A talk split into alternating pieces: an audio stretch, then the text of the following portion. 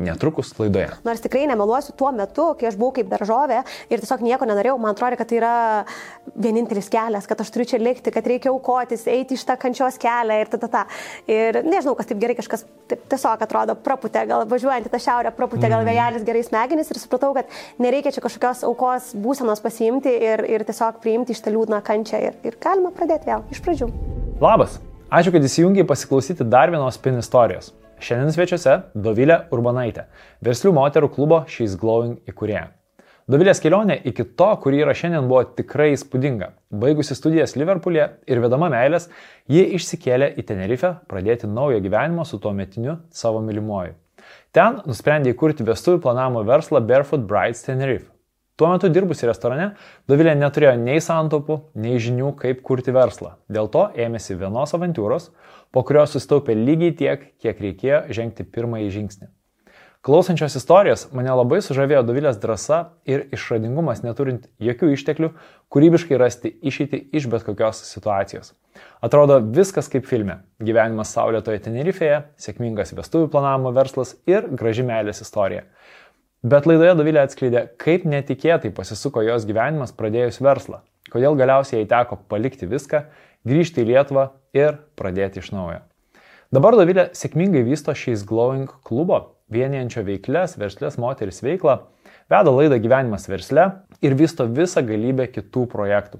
Dovilės energija užburianti. O tikėjimas tuo, ką daro ir noras padėti kitoms moteriams atrasti savo kelią, motivuoja imtis veiksmų, pradėti gyventi savo svajonėmis ir, jei reikia, pradėti viską iš naujo. Beje, jeigu ir tu norėtum pradėti iš naujo, tik vis dar labai nedrasu žengti pirmosius žingsnius, kviečiu tą daryti kartu jau prasidėjo registracija į nemokamą webinarą 7 kelrodžiai į tavo naują pradžią karjeroje. Surengus šį webinarą pirmą kartą, į jį užsiregistravo daugiau nei 1600 dalyvių, iš kurių net 230 nusprendė nieko nelaukti ir žengti drąsų žingsnį į savo naują pradžią. Lauksiu nemokamam webinare ir tavęs. Užsiregistruok adresu iš naujo.lt pasviras brūkšnelis 7. O dabar nerime į PIN su Davilė Urbanaitė. Aš esu Aurimas Mikalauskas ir čia laida Pradėk iš naujo.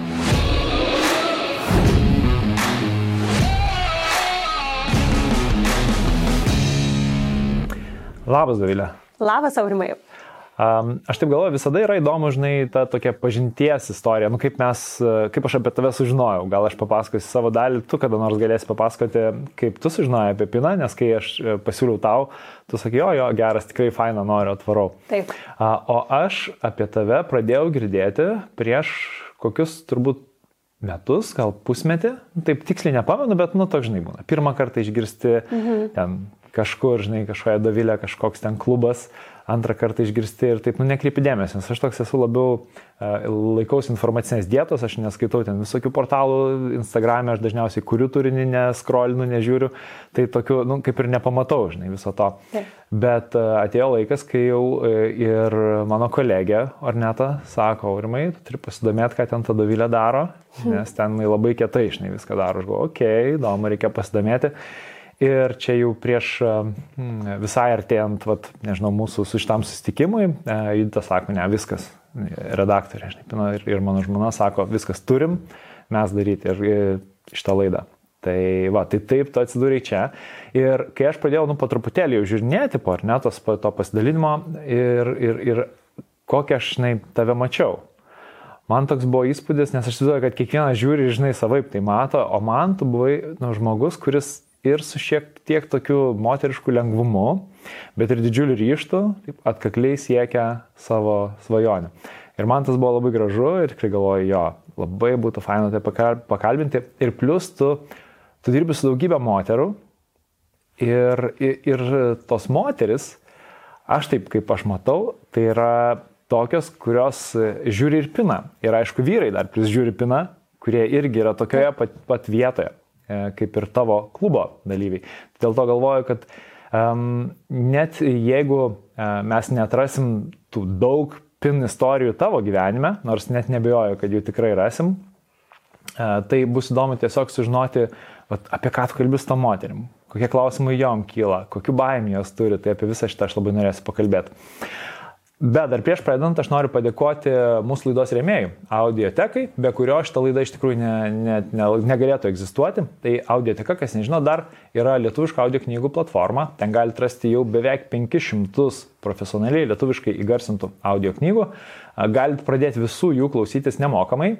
Yra appsas, kuris irgi nemokamas. Atsisiųskit, Pasiklausykit, jeigu rasit kažkokią knygą, kuri patiks, dar galite pasinaudoti kodu PIN20 ir gauti 20 procentų nuolaidą. O mes tada važiuojam. Koks, koks tai buvo gražus intro, net. Tikrai labai mėla ir labai malonu čia būti, aš labai džiaugiuosi ir kaip ir sakiau, iš karto mums tik susitikus, mano turbūt pirmas sakinys buvo, kad ateinu visiškai nusėjamas bet kokias sienas, atvira knyga mm. ir nusteikusi išnekėti labai atvirai ir jaukiai, tai labai ačiū už pakvietimą. Labai labai džiaugiuosi tikrai, kad mes kalbamės. Ir jeigu jau atvirai neriam, tai tada aš iškart pradėsiu nuo tokios vietos, kuri man asmeniškai yra įdomiausia. Dėl to, kad um, visada yra įdomu sužinoti, kur tas žmogus pradėjo, kaip jisai augo, mm. kokie buvo jo tėvai, kokie buvo tėvų santykiai. Tai įdomu, vat, kokia yra, nu, Dovilė vaikas, nežinau, 10 metų, 12 metų, kaip tu atsimeni save. Oi, koks tai gražus klausimas ir iš tikrųjų retai kalbu šitomis temomis, bet man labai gera apie tai kalbėti. Tai aš iš tikrųjų užaugau šeimoje, kur mano tėvai yra du labai skirtingi žmonės. Tai mano mhm. mama buvo visiškai atsidavusi šeimos žydinio kurstytoje, absoliučiai. Ir aš galiu pasakyti, kad tai yra absoliučiai tobuliausia mama, kokią aš tai galėčiau įsivaizduoti. Aha. Aš iš jos prisimenu tik tai begalinį atsidavimą, begalinę meilę, nuolatinį įsiklausimą ir jai visą laiką nežinau, patikdavo mano keiščiausias idėjas ir jinai labai skatino tą mano kūrybingumą. Ir, tai tikrai net prisiminiau kelias istorijas, e, kurias na, norėsiu vėliau papasakoti, bet čia trumpai apie mamą. Aha. O mano tėtis kitoks žmogus, jis yra verslininkas. Tai iš tikrųjų aš augdama jį visą laiką mačiau dirbantį, nemačiau jo labai daug ir mano tėvai įsiskyrė, kai man buvo 12 baros metų. Bet e, aš manau, kad būtent tas galbūt toksai verslumas ar ne, aš manau, kad jis yra kažkiek ir įgimta savybė, nebūtinai mhm. išugdoma, tai aš tikrai manau, kad aš tą atsinešiau iš tėčio. Tai tikrai nebejotinai abiejų jų savybės, jie du labai skirtingi žmonės ir iš tikrųjų dabar jie jau seniai yra įsiskyrę, bet aš dažnai net nesuvokiu, kaip jie buvo kartu, nes man atrodo tokie du maksimaliai skirtingi žmonės, kad aš net, na, man sunku suvokti, bet, bet tuo pačiu aš labai džiaugiuosi, kad e, jie buvo, man padovanojo tokių įvairių labai skirtingų savybių. Mhm. O kaip tu pačias skirybas ir gyvenai? Va dabar, kai jau vis tiek praėjo daug laiko, e, mhm. kaip tau tas etapas praėjo?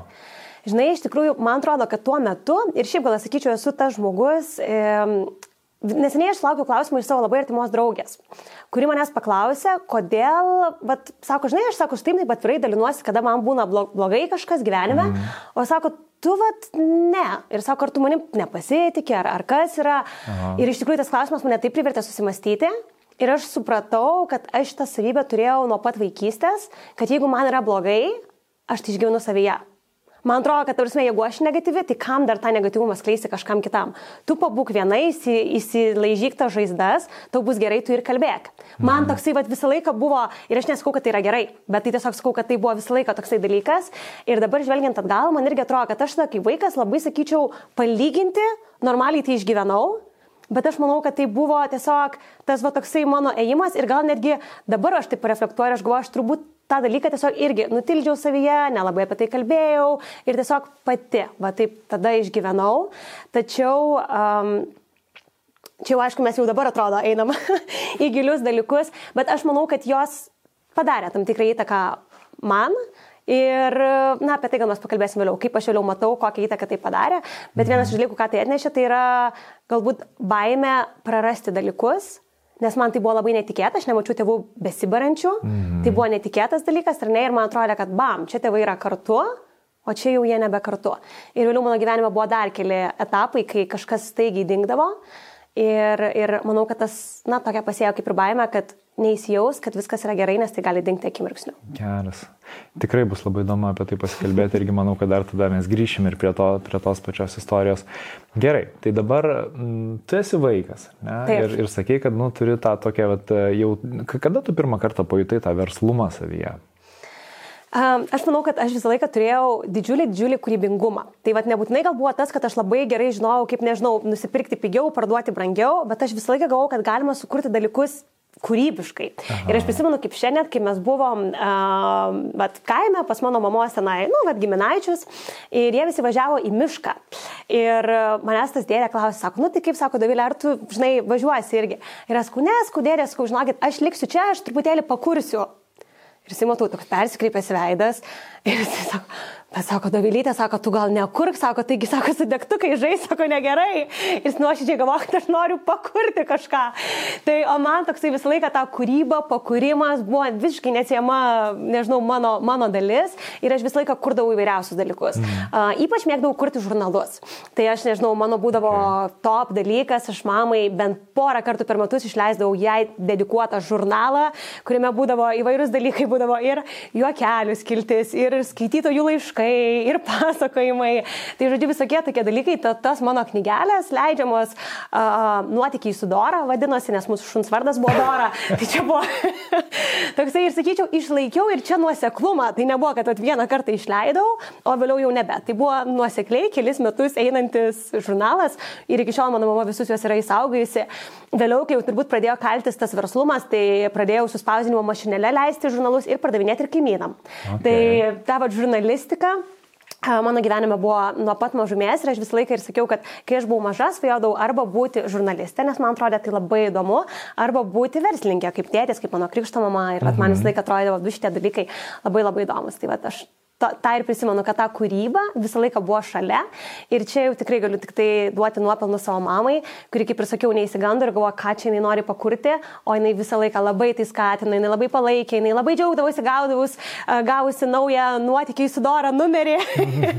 Ir juos visus saugojo. Ir, ir manau, kad tas man padėjo suprasti, kad viskas yra gerai su to kūrybingumu, kad nereikia eiti gal to įprastų kelių ar nereikia gal domėtis tuo, ko domisi kiti vaikai ar kažkokie žaidimai. Man buvo įdomus arba žurnalo leidyba, arba monopolis. Nes man tai buvo verslas arba žiniasklaida. Viskas. Du dalykai, ką aš galėjau daryti visą laiką absoliučiai. Kitų labai kažkokių pomėgių pas mane ir nebuvo. Du. Geras. O kada paskutinį kartą vartėjai žurnalą ten? A, tikrai neseniai, manau, kad tikrai neseniai, iš tikrųjų, aš, mano mama jas visus laiko, stropiai ir aš ir savo sužadėtiniui kažkada buvau parodžius, aišku, jisai iš viso net lietuviškai nekalba, tai jam ten iš viso jis turbūt galvoja, Jėzu, ką čia jinai man rodo, bet jis irgi bent jau primetė, kad jam įdomu ir, ir žiūrėjo, susidomėjęs. Tai ne, aš tikrai, tikrai tuos dalykus kažkaip, sakau, aš manau, kad tai yra nuostabu, kad jau tada aš leidau savo būti ir kad man ypač leido mama tuo, mm. tą daryti, kad jinai domėjosi ir, ir aš manau, kad tas labai labai padėjo visam tam kūrybingumui prasikalti ir vėliau, tai aš tikrai čia turbūt savo mamos nenustosiu girti tam podcast'e, bet uh, tikrai ir vėliau, nežinau, kai aš kažkokia sugalvodavau gal tas verslo idėjas, gal tokias ne visai standartinės ar ne jau tuo keliu, kaip kad dauguma po universiteto ieškoti kažkokio normalaus, sakykime, darbo, tai aš irgi manau, kad jos rolė buvo labai didžiulė, palaikant mane, o nesakant, žinai ką, gal tu rinkis tą saugų gydytojas, teisininkės ar kažkokį tai kitą kelią. Jo, o įdomu, va irgi šitas man dalykas, kad tavo mama, kaip tu minėjai, jinai tokia buvo žinio, šeimos žinio ta Taip. kurstytoja. Taip. Uh, įdomu, taip, dvi pusės, žinai, viena vertus, kaip jinai žiūrėjo matydama, kad tu esi tokia versli, žinai, kaip tėtis ir, ir net tikriausiai jinai gal turi ir savie kažkokių ar nuoskaudų, ar konfliktų, žinai, dėl to, kad supranta, kad jo praktiškai nebūdavo namuose. Taip. Ir tu, kita vertus, matydavai savo mamą, kuri yra va, ta na, saugotoja namų žydinio, bet jinai nėra versli, bet tu savyje jauti, žinai, tą visą verslumo tokią energiją. Taip. Ar pas tai nebuvo konflikto?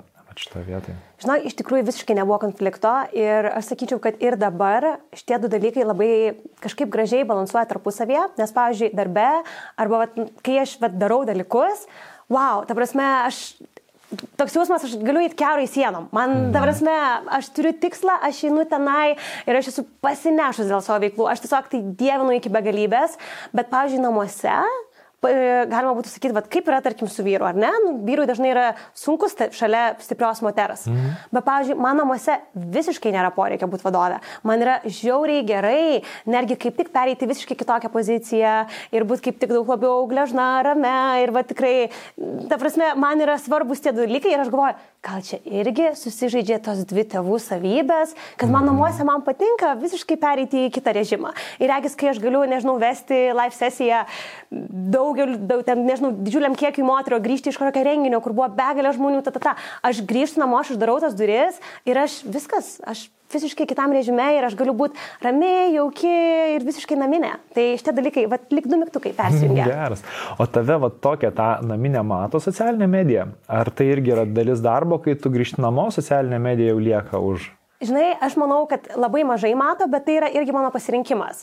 E, tikrai, galbūt žmonės, žinai, kai kurie yra linkę dalintis absoliučiai viskuo, o man labai patinka, pavyzdžiui, tarkim, kai aš jaučiu, kad man senka batareikos. Mhm. Tai ką aš darau, aš labai mėgstu išvažiuoti tiesiog su sužadėtiniu, su mūsų šuniuku į pajūrį. Ir aš tuo metu labai minimaliai keliu kažką į socialinę mediją, nes man yra žiauriai gera, tiesą sakant, nebendrausiu žmonėmis. Ir aš tikrai vat, galiu ateiti į kambarį, čia galėtų būti ne tiek, kiek mūsų yra dabar čia, čia galėtų būti, nežinau, 500 žmonių. Ir aš su jais visais kalbėsiu, aš, man nuoširdžiai ir tai nebus dirbtina. Aš tikrai norėsiu su visais susipažinti, man bus įdomu, tratra, bet, bet man tai yra neatsipalaidavimas. Atsipalaidavimas man yra, kai aš esu namuose, Aha. ramybėje ir aš galiu net ten daug ir nekalbėti ir būti visiškai kitoks žmogus. Tai va, okay. įdomu, šitie du dalykai tikrai, bet aš ne, negaliu pasakyti, kad tai yra dvi prieš priešos. Ir aš nesu, pavyzdžiui, nežinau, dviniai ar ne, kad du kažkokie būtų uh, dvi kažkokias savybės, bet uh, jos visi žaidžia kartu, jos nesipyksta, tos dvi savybės. Viskas mhm. gerai yra su to. Man labai gerai būti tai, kuri ten viską daro ir viską veikia, ir yra labai gerai būti ramiai. Okay. Aš gal dabar pagal, taip beklausydamas tavęs, noriu truputėlį nueiti visai kitą temą. Taip. Ir paskui mes grįšim prie tavo istorijos apie energiją. Taip. Būtent pasikalbėti. Nes o, o, atrodo, susproksi čia to, nuo to, kiek tu turi energijos. Iš kur tu jos tie gauni? Geras klausimas. Aš manau nuoširdžiai, kad e, manau, kad yra žmonės, kurie iš tikrųjų natūraliai tiesiog yra gavę daugiau energijos. Nu, tiesiog va, jie turi didelį energijos resursą. Tai aš Aha. tikrai manau, kad tas irgi yra dalykas. Ir manau, kad žmogus, kuris tiesiog nu, natūraliai gal neturi tiek daug tos energijos, tiesiog turbūt ir yra sunku. Nu, tai tiesiog yra va, viena gal iš duotybių, sakykime. Tai aš manau, kad mhm. energija tiesiog natūraliai yra. O antras dalykas, tai aš ją ir stengiuosi tausoti. Ypač dabar, kai tampu truputėlį jau suprantanti, kad, o aš taip pagalvoju, kas bus, pavyzdžiui, po 20 metų aš neturėsiu tiek energijos, kiek dabar. Mhm. Ir tada, ką aš darau, tada aš uh, labai stengiuosi reflektuoti. Pavyzdžiui, kokios patirtis mane pripildo energijos, kokios patirtis mane išgrėžia ar ne. Ir juk tikrai gali būti, kad po kažkurių patirčių mes grįžtam namo ir mes, wow, atrodo, norim versti kalnus ar ne. Ir tai gali būti ne tik patirtis, tai gali būti netgi žmonės žmonės. Kad tu grįžti namo ir tu galvoji, wow, kaip faina, aš noriu dabar visko dar daugiau. O tada gali paklausyti savo kūną ir galvoti, tas dalykas mane išsunkia. Aš, pavyzdžiui, žinau, kad man tai yra visokie smulkmeniški administraciniai darbai. Mhm. Ta prasme, I hate that stuff. Aš tikrai, aš, aš neturiu kantrybės, mane tai žudo. Ir aš, man atrodo, kad aš galiu tokį dalyką daryti dvi valandas ir man atrodo, kad, o dieve, čia buvo sunkiausia diena ever. Tai yra labai svarbu klausyti savęs, ar ne? Ir tada pagal tai net ir tą patį verslą vystant galima įsigilinti ir pagalvoti, kokios užduotis yra tos, kurios mane išgrėžia ir jas bandyti outsourcinti, ar ne, dedikuoti mm. kitiems žmonėms. Ir kurios yra tos, kurios man yra fainos, kur mane pripildo energijos ir jų, žinoma, turėti savo gyvenime daugiau. Tai va, tai aš manau, kad tas toks, jeigu mes klausytumėm nauda ir visa kita yra logiški dalykai. Bet jeigu klausytume ir tuo, kas mus pripildo energiją ir kas ją išsunkia, tai manau, kad čia yra irgi žiauriai geras rodiklis tiek rengantis draugus, tiek rengantis profesiją, darbą, antrąją pusę. Visą tai labai labai svarbu. Kokį vat atradimą atsimeni iš vat, būtent vadovaujantis tuo, kur tu grįžti ir jauti, kaip išsunkia mano energija ir, ir nežinau, gal tai buvo kažkoks santykis, gal, mhm. gal tai buvo kažkokia aplinka ar darbas, kur tu sakai, nu ne, viskas, aš turiu nutraukti. Jo, vienareikšmiškai, tai čia jau nušokam ganėtinai toli, nes čia aš kalbėčiau apie savo darbą Tenerifei, kai aš atsikraušiu tenai. Tada nenušokim. Nenušokime, ar ne? ne? Gerai, tuomet grįšime prie to dar vėliau. jo, tada grįšim prie šito vėliau. Gerai, gerai, bet gal tik žinai trumpai pasakysiu, kad um, galėsiu apie tai pakalbėti vėliau plačiau, bet tai buvo patirtis uh, nemylimo darbo į kurį tu eini ir tu galvoji, dieve, čia yra absoliutus waste of time. Ką aš čia darau? Ir tas darbas nebūtinai turi būti toks sunkus, bet atrodo, kad nu čia yra tiesiog. Tai, vat, tai Geras, tai, tai čia pati įdomiausia, vat, būtent pin auditorijai, tai yra pats įdomiausias, pati įdomiausias rytis, dėl to vat, mes kaip tik pradėjom dabar neseniai vieną nu, spurto programą, ten Taip. irgi žmonės tiesiog surinko 230 galvo dabar žmonių, kurie vat, keliauja ir Tai aš girdžiu dažniausiai, kad tiesiog aš būnu darbė ir mano energija tiesiog senka. Nu, kaip atrodo, viskas, viskas gerai. Nu, gerai mokamas darbas ir toliau, bet tiesiog sen... tai, tai būtinai norėsiu prie to. Būtinai sugrįžti. ir aš, ta prasme, labai, labai visą laiką sužinai, aš labai džiaugiuosi, kad esu šitam podcast'e, nes aš tikrai taip palaikau žmonės, kad jie darytų pokytį tada, kada jie jaučia, kad nu, viskas jų energija. Mm. Tai yra, Dieve, mes turim vieną gyvenimą. Ka, nu, prasme, ką čia veikti? Taigi yra tie ir tie galimybių, ką galima daryti. Kodėl būtent ten, kur negera? Jo, tikrai.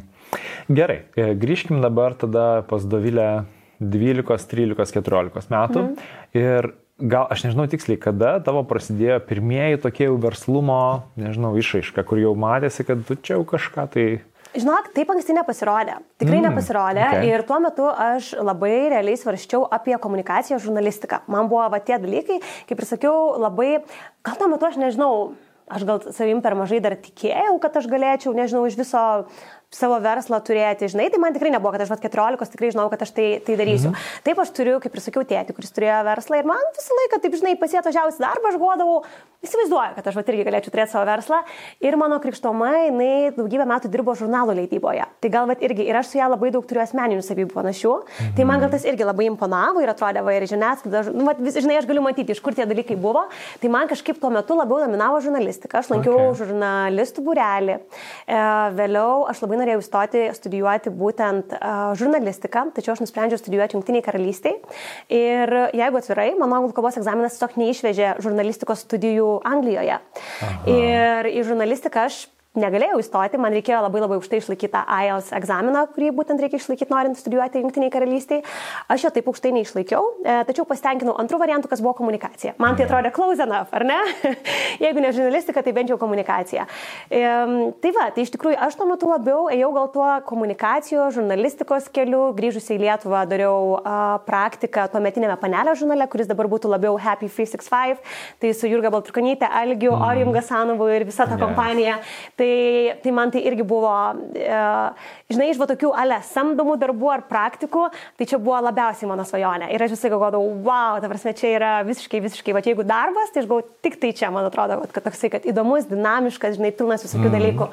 Tai aš tuo metu labiau iš tikrųjų galvojau apie gal net žurnalistikos kelią arba verslą, nebūtinai čia, bet tikrai nebuvo, kad aš ten jau, nežinau, 17 metų pardavinėjau savo drabužius, ten pripirkdavau pigiai, parduodavau brangiai. Okay. Ne, to dar nebuvo, tikrai ne. O kodėl studijas užsienyje pasirinkai? At kaip, kaip tas sprendimas tau atėjo? Galima būtų atsakinėti labai taip gražiai, kad, pavyzdžiui, maniau, kad tai yra puikiai gyvenimiška patirtis ir ta, ta, ta. Iš tikrųjų buvo dvi priežastis.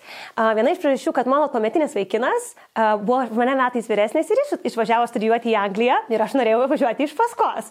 Tai čia buvo viena iš priežasčių. Okay. O kita iš priežasčių, kad tuo metu tai buvo gal toksai trendinantis dalykas, jau pradėjo darytis ir aš gal nesakyčiau, buvau ta tokia savo draugių tarpė pionierė, kad važiuojam, kad įdomu ir aš kažkaip jas užhypinau visas ir labai didelė dalis jų kartu su manim tada irgi įsikraustė.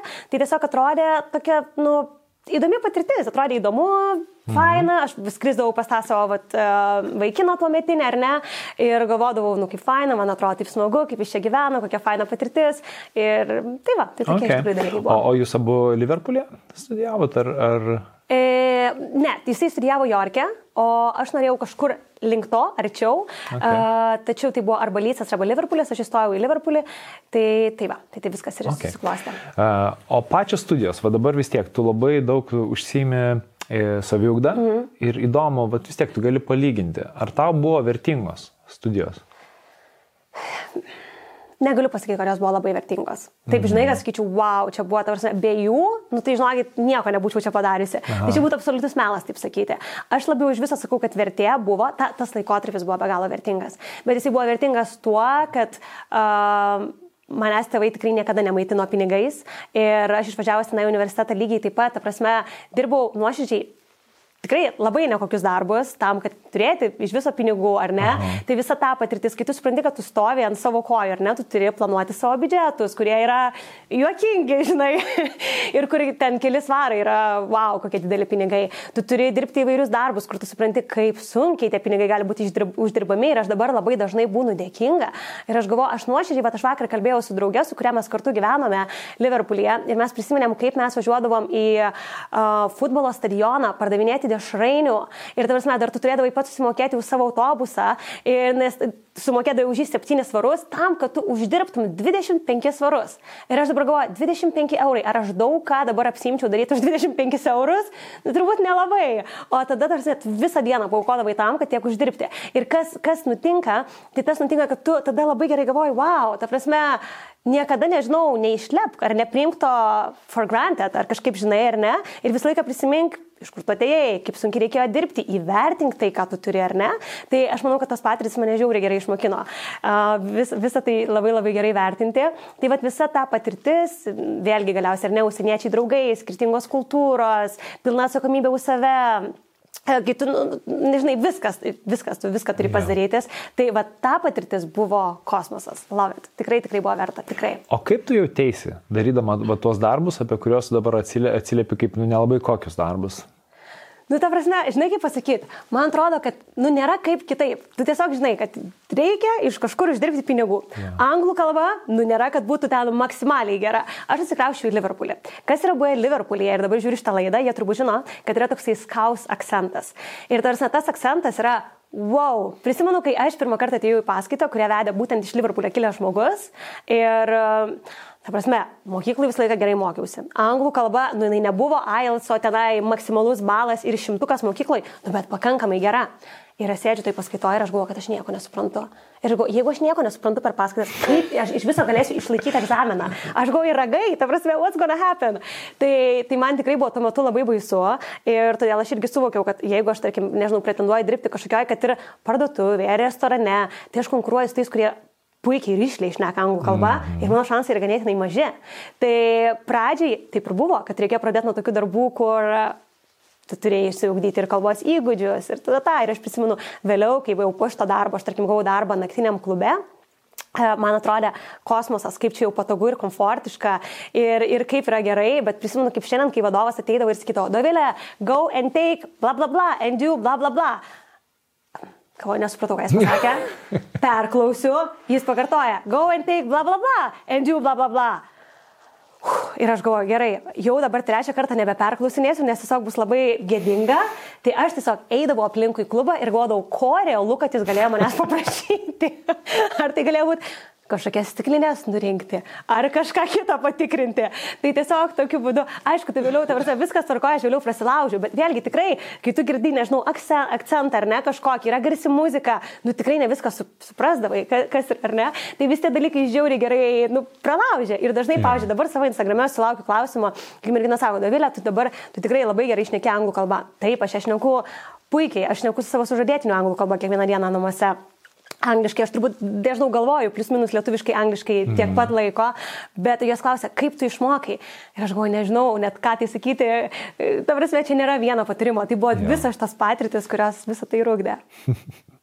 Geras, aš pagalvoju, kad e, tai tau labai šeštą jausmą, žinai, turėjai išugdyti, kur, kur tavo sužadėtinis gal ten vos tą ranką pakelia ir tu iš karto jau nujauti maždaug, ko jam gali reikėti. Tikrai taip, tai va tokius dalykus reikėjo spėlioti ir sakau, todėl, va, jeigu kalbant apie studijų kokybę, ji nebuvo bloga, bet aš labiausiai, kai prisimenu viską, aš prisimenu va, būtent visą tą patirtį ir mes tikrai, va, su tą bičiulę, su kuria gyvenom vakar, kaip tik va, vakar matėmės ir mes dažnai prisimenam tos laikus ir sakom, nu kaip faina, mes abi dabar tikrai jinai puikiai realizuoja realizuoja save darbę, aš save puikiai realizuoju veikloje ir, ir mes sakom, kaip smagu prisiminti, nuo ko mes mm. pradėjom. Ja. Ir viena priežastis, dėl ko aš klausiu, žinai, apie, apie tai, kaip tu jautėsi tą darbą darydama, yra, uh, nežinau kaip tu, bet mano toks požiūris yra, kad nu, vis tiek man teko labai daug laiko dirbti ir samdomą darbą. Taip.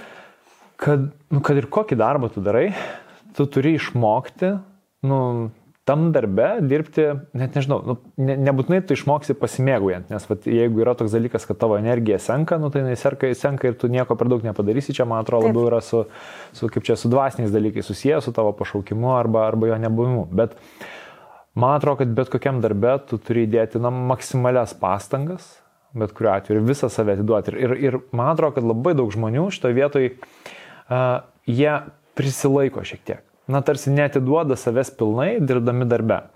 Ir tada mm. jie tą patį nusineša ir į savo verslą, nes nežinau, ar dėl to, kad jie galvoja, nu, ne, čia nedarysiu viso savęs, netiduosiu dėl to, kad čia ne mano, arba čia mm -hmm. nekenčiu to boso, ar dar, bet vat, man įdomu, koks tavo požiūris yra į tai, na, vis tiek tu tikrai daug bendrauji su, su merginomis, kurios šiuo metu samdomuose darbuose dirba. Mhm. Aš manau, kad kaip tu darai vieną dalyką, taip tu darai visus dalykus. Aš tikrai taip manau. Va, jo, žinai, tai, tai vienareikšmiškai, tai uh, šitoje vietoje uh, tikrai aš irgi, žinai, galvoju, nu, va, prisimenu, čia geras dalykas pareflektuojant. Pavyzdžiui, man tikrai nebūdavo toksai, kad aš čia dirbu, aš čia, ta prasme, kapeikas uždirbu, tai aš čia, žinai, ir primesiu, kad darau darbą. Ne, atiduodi šimtą procentų, tarsi tikrai. Ir, ir manau, kad vienareikšmiškai tas toksai viena koja, tai yra, viskas yra įprotis, ar ne? Tai man atrodo, kad irgi jeigu tu įpranti dalykus daryti vieną koją, tai kaip tada tu jau magiškai pasikeisi ir jau savo versle, ar kažkur kitur darysi jau viską ten šimtų procentų. Nemanau. Manau, kad, mm. žinai, vėliai, gal tada galima įsivertinti ir apgalvoti visą tai. Pavyzdžiui, aš manau, kad neblogas dalykas galbūt yra ir ką aš pati dariau, kai aš pradėjau vystyti savo verslą, aš dar vis dirbau samdomam darbe, bet, tarkim, tas samdomas darbas nelabai reikalavo mano kažkokių tai didelių protinių investicijų, ar ne, tai buvo labiau fizinis darbas, aš dirbau restorane um, kaip, nu, administratorė restorano ir aš turėdavau pakankamai laiko ir daug mental power grįžus namo dar dirbti prie savo verslo, tai aš manau, kad gal tada nebent apgalvoti tokį dalyką, bet tą darbą vis tiek daryti gerai, bet gal Aha. tada paieškoti darbo, kuris, net, nu, tarkim, netaip įsunktų, būtų lankstesnės valandos ar panašiai. Gal taip būtų okay. galima. Ok, šiaip tai skamba labai, išmintingai. Uh, gerai, uh, dabar uh, studijas baigiant, gal paskutinis klausimas, bet kaip tu jauti, ką tos studijos komunikacijos tau davė to, ką tu naudoji dabar? Sakykim, ar, ar buvo kažkokie įgūdžiai, kurie tavo manimu visgi pasiteisino? Būtent kalbant akademinę prasme, ar ne? E, bet kurios tu pritaikai praktiškai dabar jo, kurios tu studijavai, vat, tarkim, tam universitete. Taip būtent iš akademinės pusės, nes vėlgi, žinai, grįžti prie to, kad labai gyvenimiška prasme okay. buvo daug visokių dalykų. Akademinė prasme, žinok, sunku pasakyti, ir atrodo, kad jau buvo taip seniai, tai galiausiai ir ta informacija jau yra, mm. žinai, pasikeitusi. Aš po to studijavau verslo magistrą, tai tarkim iš jo aš pasėmiau daug daugiau, jau tą prasme, okay. kurią aš galiu pritaikyti savo versluose. Tai apie tavo, žinai, universitetą, vėlgi, aš truputėlį turiu savitą nuomonę, gal iš esmės apie e, iš, išsilavinimą, tai, tarkim, tą aukštį ir viskas su juo yra labai gerai, bet tarkim, aš nuoširdžiai manau, kad aš aš pati išmokau per savo kanalus, per kažkokius papildomus įmamus kursus, per podcastus, per knygas, aš manau, kad išmokau daugiau negu, pavyzdžiui, per tuos tris metus universitete. Mhm. Nu, va, žinai, jeigu grinai kalbant iš to tokio pure education, tai nekalbant apie visus tos tris metus iš esmės gyvenimiškos patirties, bet, bet jo. Okay. Gerai, tada einam į tavo pirmąjį verslą ir mhm. kaip tu ten atsiradai. E, tu atsidūrėjai Tenerife'e. Taip. Taip. Kaip Taip. tu ten atsidūrėjai? Kas tai ten įvyko? Žinai, kaip pat ir galima sakyti, pradėkime iš naujo. Tai aš manau, kad šis dalykas mane persikėjo tikrai labai dažnai, nes pažiūrėk, ar ne, aš, moky, aš mokiausi mokykloje ir man buvo toksai, nu tai vad pradėkim, naujoji šalyje, kraustus tenai ir pradedu tenai. Mhm. E, vėliau lygiai tą pačią situaciją mes galim pamatyti uh, Tenerife'e, ar ne, aš iš tikrųjų baiginėjant uh, studijas aš žinai, visą laiką tikrai, va, ir tam pačiam universitete tikrai mokiausi stropiai. Visą laiką, žinai, buvau, va, ir gera mokinė mokykloje, ir, žinai, stropi studentė. Mm -hmm. Ir man buvo toks labai gal koks vidinis, nežinau, dialogas, kodėl visi mano, ar ne, kiti, na, studentai, kurie mokosi su manimi, jie va, turėjo svajonę baigti ir jie, žinai, žiūrėdavo tos ten top 500 companies, top 100 companies, žinai, pasaulinio masto. Ir jie nuoširdžiai svajojo tenai įsidarbinti. Jie aplikavo tas graduate schemes, ar ne, kad galėtų tenai pradėti dirbti.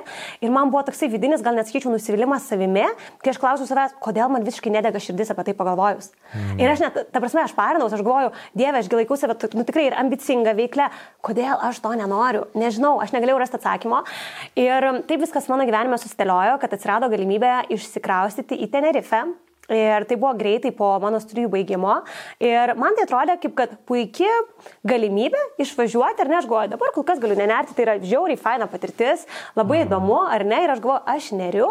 Ir kažkaip vėlgi toks buvo visiškas tikėjimas, kad aš nežinau, kažką ten įdomaus padarysiu, sukursiu. Man nu, tokie, žinai, gal opportunės, kaip sako, yra tie žmonės, ar ne? Tai man irgi atrodo, kad čia yra galimybė. Aš ten Rifį niekada nebuvau prieš ten atsikraustant, absoliučiai niekada.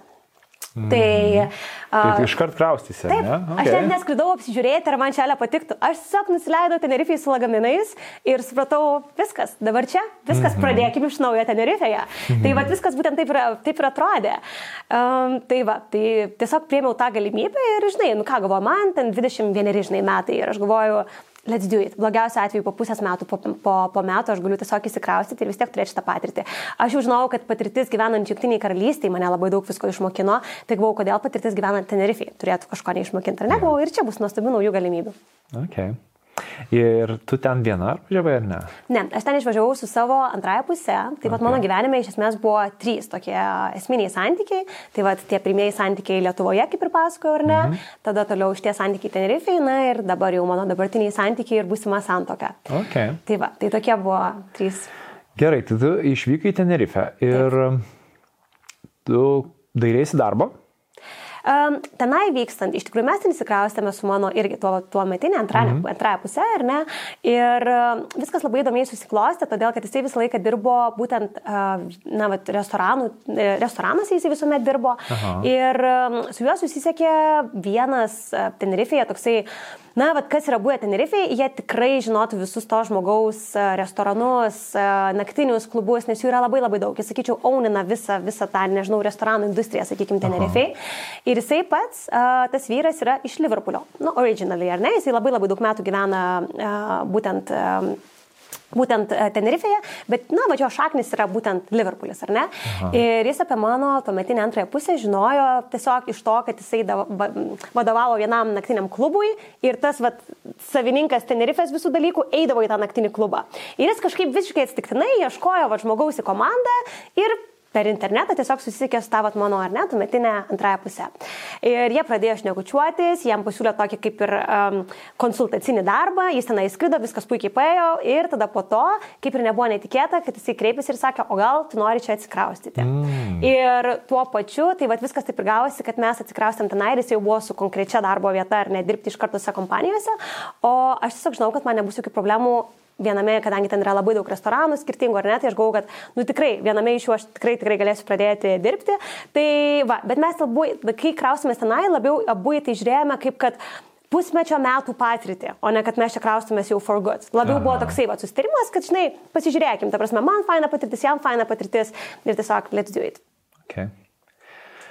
Ir e, tai tu pradėjai dirbti? Taip aš pradėjau dirbti tenai Aha. ir mano darbas tenai ir buvo e, būtent e, restorano administratorė. Tai buvo vienas iš restoranų, kuris labai labai populiarus Tenerife'je, ten visuomet didžiulės eilės, daug žmonių ir tiesiog va jų ar ne prieimimas, meniu, tata, visi šitie dalykai. Mhm. Tai va, ir tenai pradėjus dirbti, aš tikrai labai greitai supratau, kad nu, mane labai tas smaugia, labai, labai labai smaugia.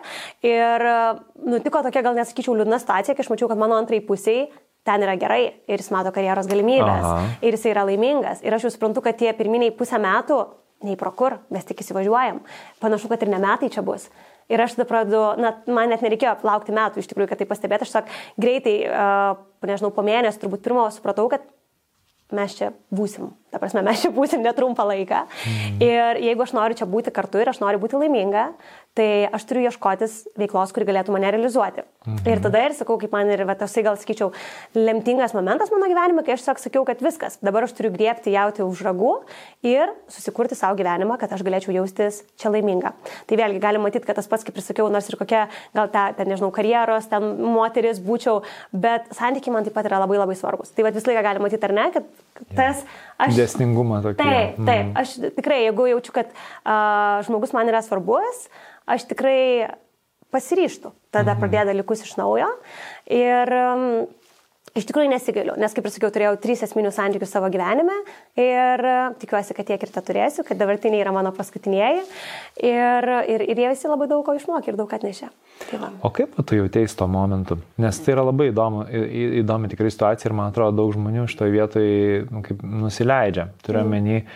kad tu dirbi ir darbą ir tu jauti, kad ne, Širdis mm. man nedainuoja tam darbe. Visiškai nedainuoja. Koks, buvo, koks tai yra jausmas? Labai blogas. Tikrai buvo labai blogas jausmas. Tenerife yra įprasta dirbti šešias dienas per savaitę. Tai aš turėjau visą labą vieną vakarą laisvą, nes ten vakaras, na, darbas būdavo nuo taip na, nuo, nuo, nuo pietų iki realiai vakaro. Mhm. Um, nes restoranas, ar ne, žmonės gėtina vakare, tai kaip ir, ar ne, viskas įprasta. Ir aš to vieno, vienos tos dienos laukdavau kaip absoliutaus išganimo, ar ne? Tai buvo vienintelis laikotarpis, kada aš laukdavau tos dienos kaip išganimo. Ir visos kitos dienos man buvo, nu, tikrai, nu, ne fainos, žinai, ir, bet vėlgi, tikrai turiu pasakyti, aš eidavau ir aš tikrai gerai atidirbdavau. Ir, pavyzdžiui, man būdavo tokių galimybių, uh, kad, tarkim, čia gal kažkoks renginys ar dar kažką. Ne, man tuo metu buvo tikslas. Man tikslas buvo tuo metu uh, sustaupyti pinigų. Aš labai to norėjau, nes uh, iš tikrųjų mano antroji pusė įsikraustė į Tenerifę su skolomis apie kurią susižinojau vėliau. Hmm. Ir Anglijoje yra visai įprasta. Žmonės leidžia pinigus ten kitaip. Jiem yra įprasta turėti, nežinau, overdraftus ir visa kita. Lietuvoje tai yra mažiau įprasta. Tikrai hmm. mažiau įprasta. Ir čia susitiko du labai skirtingi požiūriai. Jam ir jo šeimai tai buvo visiškai normalu. Dabar aš neturiu, aš leidžiu iš e, kreditinės kortelės, kažkada gražinsiu. Man tai buvo pasaulio pabaiga. Kaip gali būti? Jeigu mes turim, jeigu, man atrodo, kad mes, ar ne, nors tai buvo jo asmeninės skolas, bet man atrodo, jeigu mes turim kažkokių skolų, tai ta prasme, aš jau geriau, ta prasme, darysiuos, nežinau, kavą ir arbatą namuose visada ir net negalvosiu apie jokius restoranus ar dar kažką ar pirkinius, iki kol tai nebus tvarkyta. Ir taip kurį laiką aš ir gyvenau. Man nebuvo jokių net minčių, kad aš pasimčiau laisvą dieną ar kad aš eičiau kažkur su draugutėm susitikti. Man buvo tikslas, susitvarkom šitos dalykus ir tada ant balto šviežio lapo mes galim kažką tai statytis. Mhm. Tai va, tai man buvo toksai didžiulis fokusas tai susitvarkyti. E, nebuvo ten kažkoks kosmosas, tai mes ganėtinai greitai tai įveikėm, bet buvo du labai skirtingi požiūriai, ar ne? Vat visiškai tokie, kur man buvo, wow, kaip mes galim taip visiškai skirtingai žiūrėti, yeah, yeah. ar ne? Ir aš manau, kad čia buvo pirmas red flagas. Manau, kad santykiuose yra svarbu vat, kaip du žmonės žiūri į tą visą finansinę situaciją, tikrai. Tai čia buvo didžiulis skirtumas, kuris vėliau mūsų santykiuose kartojasi daugybę kartų, kur tiesiog aš, man atrodo, why, mm. why. O kaip, kaip jauti, kokios dar yra sritis, kur vat, svarbu santykiuose, kad būtų, mm -hmm. nu, žiūrėtų į tą pačią pusę, kad sutaptų požiūrį? Daug dalykų. Tai vienareikšmiškai tikrai vertybinis pamatas, kaip iš viso žmonės mato, ar ne, ko, ko jie iš viso nori. Pavyzdžiui, mm. vieniems tikrai gali būti, mm, ne, tikrai jie gali tiesiog neturėti poreikio iš viso sustuokti. Jiems tai nevertybė, jie nenori, ar ne, dėl kažkokių priežasčių.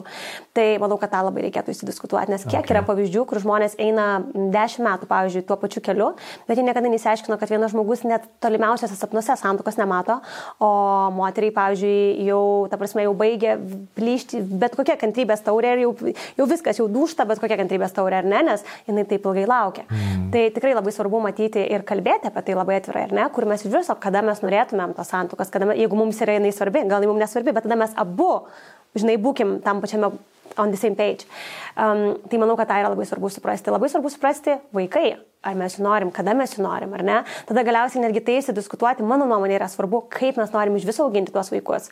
Pavyzdžiui, nežinau, aš esu verslė, ar aš noriu labai pušinti savo vaiką, pavyzdžiui, būti verslininku, ar aš leisiu jam būti tuo, ko jisai nori būti, ar aš noriu savo vaiką leisti į privačią mokyklą, ar man nesvarbu. Tokie yra dalykai, kur vėliau gali būti didžiulės prieš priešos, ne? E, tada galiausiai mūsų gyvenamoji vieta, kur mes norim gyventi, mes norim gyventi name, būte, mes gal norim visą laiką nuomotis, gal mes norime keliauti po skirtingas pus, e, kažkokias ar ne vietas. Um, kaip nežinau, kaip mes planuojam, e, ką, ką mes darysim, jeigu, nežinau, mūsų nuomonė nesutarė apie tai, kaip mums reikės auginti vaikus, kaip mes planuosim šeimos finansus, kaip atostogauti mes mėgstam. Man atrodo, kad yra begalė dalykų ir čia jau tikrai noriu pagirti savo brolį, kuris man su žmona yra toksai, va, nu, poros etalonas, tikrai labai labai gražios poros. Ir man tai patiko, kai jie tuokėsi prieš vestuvės, jie buvo leidęsi tokią ilgą kelionę po Aziją ir man brolis po to pasakojo, kad sako, žinai, bet jų artėjo vestuvės ir sako, mes vieną vakarą turėjom tokį nuoširdų pašnekėsi būtent apie tai, va, apie visus šitos dalykus, ar ne, kas mums yra svarbu, ar mums yra svarbu, kad mūsų vaikai priimtų tam tikrą tikėjimą, pavyzdžiui. Mm. Nu, begalė tokių dalykų, žinai, ir man tai buvo toksai, wow, ir aš galvoju, aš būtinai irgi tai pasidarysiu. Tai aš manau, kad apie tai išnekėti yra taip svarbu ir tam skirti dedikuoto laiko, todėl kad tikrai labai dažnai ir dabar net tarp pačių savo artimų draugų tarp aš galiu matyti, kad žmonės nekalba ir vėliau po nemažai metų įvyksta labai skaudžios skirybos. Mm. Ir tas skirybos kitau yra, pavyzdžiui, 30-30 keli metai, ar ne? Ypač moteriai jos yra dar skaudesnės. Nes tada jai prasideda dar ir visokios parkės. Tai kas čia bus? Ar aš, o gal aš dabar nieko nebesusirasiu? O mangi biologinis laikrodis tiks, tai kaip čia dabar viskas atrodys, ar ne? Tai visokie tokie dalykai. Tai aš manau, kad apie tai kalbėti drąsiai tikrai tikrai reikia būtina. Mm. Ir įdomu, kad su laiku tie dalykai keičiasi. Be abejonės irgi. Sunkina.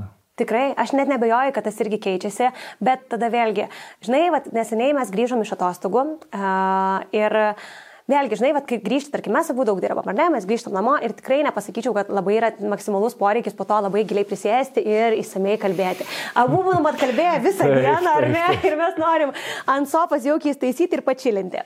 Tai, žinai, aš išnaudojau vat, progą, kai, kai buvom dabar atostogų įskridę ir uh, yra tokios labai fainos uh, kortelės, apie jas man papasakojo draugė, We are not really strangers, jos vadinasi. Mhm. Ir tai iš esmės yra kortelės skirtos uh, giliam pokalbėm su kitu žmogumi, gilesniam to žmogaus pažinimui, ar ne? Ir aš tiesiog vat, pasėmiau, aš tų kortelių neturėjau, bet aš pasigūglinau keletą klausimų, nes man buvo labai smalsu pasižiūrėti, kas tai yra. Ir aš tiesiog vat, vieną vakarą, mūsų vakarieniant, pradėjau klausinėti tų klausimų. Ir mes dabar prisimenam ir sakom, tai turbūt buvo mūsų, na, fainiausias vakaras per visas tas atostogas, nes tai buvo vėl toks, nežinau, gilus ryšys ir tokie asmeniški pokalbiai apie visokius dalykus ir apie praeitį, ir apie patyrimus, refleksijas, netgi apie vienas kitą, koks buvo įspūdis, kai mes susipažinom, kas tu labiausiai patiko, kai mes susipažinom pirmą kartą apie mane, kokias mano savybės vertini dabar. Ir tai yra mhm. taip įdomu ir tai taip stiprina tą ryšį, tai aš manau, kad to na, yra labai svarbu nepamiršti. Mm, geras. Mes irgi su, su, su Judita, bet e, dabar galvoju, man atrodo, nebegėdos gal kortelės irgi, tik mm -hmm. neatsimenu, ar kartu, ar kažkaip jos vadinasi. Taip. Tai irgi va tokių yra krūva klausimų, Geras. kuriuos karts nuo karto pas, pasprendžiam ir kas yra labai faina. Bet jo, pagrindinis dalykas iš tikrųjų, kaip ir tu sakai, yra kalbėtis. Vienareikšmiškai. Tikrai, vienareikšmiškai. Nes tada va, tas ir nutinka, ar ne, kad tu supranti, kad jūs žiūrite į į skirtingas puses. Ir ant to jau kažką lipdyti yra labai sunku. Mane tikrai labai liūdina statistika, kad tiek daug porų įsiskiria. Tikrai labai liūdina. Ir aš pati dirbu vestuvių verslę begalę metų, aš matau įvairiausias poras. Ir aš tikrai būna, kad matau poras, kur vestuvių dieną jau spėju, kad jų santoka netruks. Ir vėliau pamatau, kad ir netrunka. Mm. Tai, bet čia atskiria tema. Jo, čia atskiria tema. Gerai, tai tada sugrįžkime, mes dabar į Tenerifę, tu truputėlį pradėjai pasakoti, koks buvo jausmas, Taip. kai tu dirbai darbą ir tu nujautėjai, kad ten pas tave, na, nu, aišku, ten ke... ir vienas tas red flagas buvo būtent e, dėl, dėl tavo santykių, kad ten jautėjai dėl finansų ir kaip e, tu galiausiai kaip atidirbai, taip sakant, kad jūs nebebūtumėt skolingi. Aha kartu, ta prasme, viskas gerai, žinai, bet man reikėjo dirbti su tuo požiūrio keitimu iš esmės mm. irgi, kad man atrodė, kad aš čia taip dedikuotai einu į tą darbą, kad mes galėtume viską pasidaryti. Jisai bam, vakarėlis pasišvaisto. Ir žinai, ir ta prasme, jis grįžta namo ir aš tiesiog... O, galvoju, čia mano buvo keturios ar penkios darbo dienos, o gal net visą savaitę. Žinai, ir, ir oh, tai nu, tikrai šitie dalykai neprideda laimės santykiuose. Supratau. Ir, ir dėl, tai buvo viena iš priežasčių, kodėl jūsų santykiai pradėjo griūti? A, nežinau, žinok, iš tikrųjų, tai čia vėlgi, žinai, gal galėčiau pasakyti, e, aš manau, kad vienas iš dalykų, kas pakenkė mūsų santykiam tikrai, tai buvo mano verslo pradžia. Okay. Jo, tai buvo mano verslo pradžia ir tai vat, buvo tas, žinai, gal ir, ir laikotarpis, kai aš pradėjau tiesiog dirbti ir aš tikrai tam skiriau labai daug laiko. Tikrai, nuoširdžiai dedikavau labai daug laiko ir man būdavo toksai, kad aš galiu, žinai, tą pačią mano vienintelę turimą laisvą dieną visą ją dedikuoti. O tai yra labai keista Tenerifei. Tenerifei visi gyvena visiškai kitokia pasaulyje žiūra, ar ne? Ten yra, jiem iš viso buvo nesprantama, apie ką aš čia kalbu. Mm -hmm. Dabar, mhm. mergaitė, tu džiaugis, tau yra saulė, jūra, tu pasidegink, ateik į darbą, truputėlį padirbk. Nu ir viskas, ką tu čia iš viso nori. Niekam čia buvo nesprantama suprantama, apie ką aš iš viso, kokie dar verslai, nu.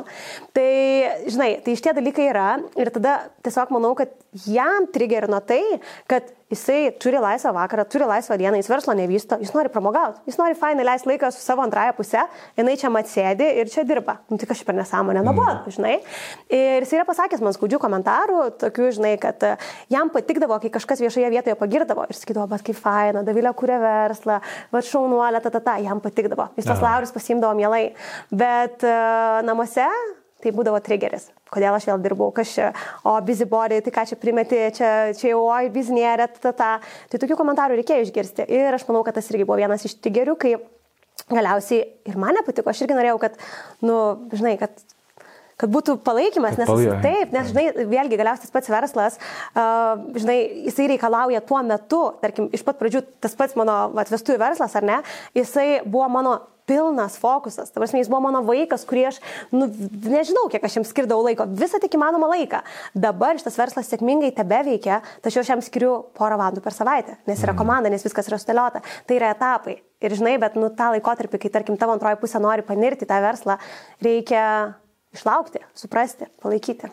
Gerai, e, noriu pasikalbėti šiek tiek apie tai, kaip tu pat, apie pačią pradžią. Ir netgi pradėti nuo to, kaip gimė ta idėja, ir kaip tu ją patikėjai. Mhm. Nes labai, taip aš girdžiu iš tikrųjų labai tokias dvi istorijas, dažnai iš, iš savo mhm. auditorijos.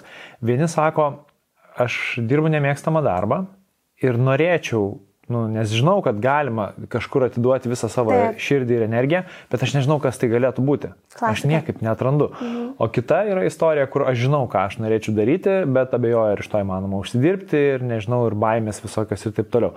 Tai vad papasakok, kaip tu perėjai per tai, nes tikriausiai ir tau buvo tokių ir dviejonių, ir, hmm. ir, ir nežinau, kaip tau buvo su tuo, nu, žinau truputėlį, kaip tu ten atradai tą idėją, mhm. bet papasakok kitiem. O, tai aš nepatikau nei vieną, nei kitą iš tų kategorijų, kurias ką tik pasakėjai. E, mano galvoje labai greitai veikia motoriukas ir aš sakau, aš labai noriu. Ir aš visą laiką galvoju, aš esu savo laimės kalvė, ar ne? Tai aš tikrai nekaltinau, ten nežinau, kad čia mes turim būti ten dėl mano antrosios pusės ar panašiai. Ne, man atrodo, kad, ta prasme, viskas ok, mes esam čia, bet tada man reikia sutrasti kažką žiauriai faino, ką daryti, žinai, ir nu, iš ko aš galėčiau sėkmingai gyventi.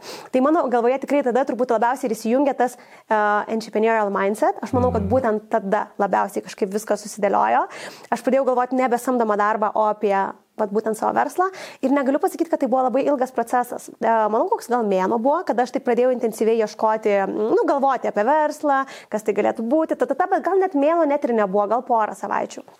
Ir prisimenu tą lemtingą vakarą, nu, tikrai lemtingas, kai aš sėdėjau prie jūros, žinok, taip prisimenu, aš atrodo, kad dabar tenai esu, žinai, kaip, kaip būna kažkokie, nu, antiek ryškiai, net ta vieta, net ta temperatūra, nu, viską taip gerai prisimenu. Ir buvo mano ta išganytoji laisvoji diena. ir aš turėjau galimybę pasidžiaugti uh, saulėlydžiu. Ir aš sėdėjau, žiūrėjau į saulėlydį, tokia labai raminanti aplinka, man labai patiko ta vieta Tenerifei, labai tenai gera buvo ir aš taip sėdžiu į tą saulėlydį žiūriu ir mano galva ateina mintis, kaip būtų gražu čia susituokti.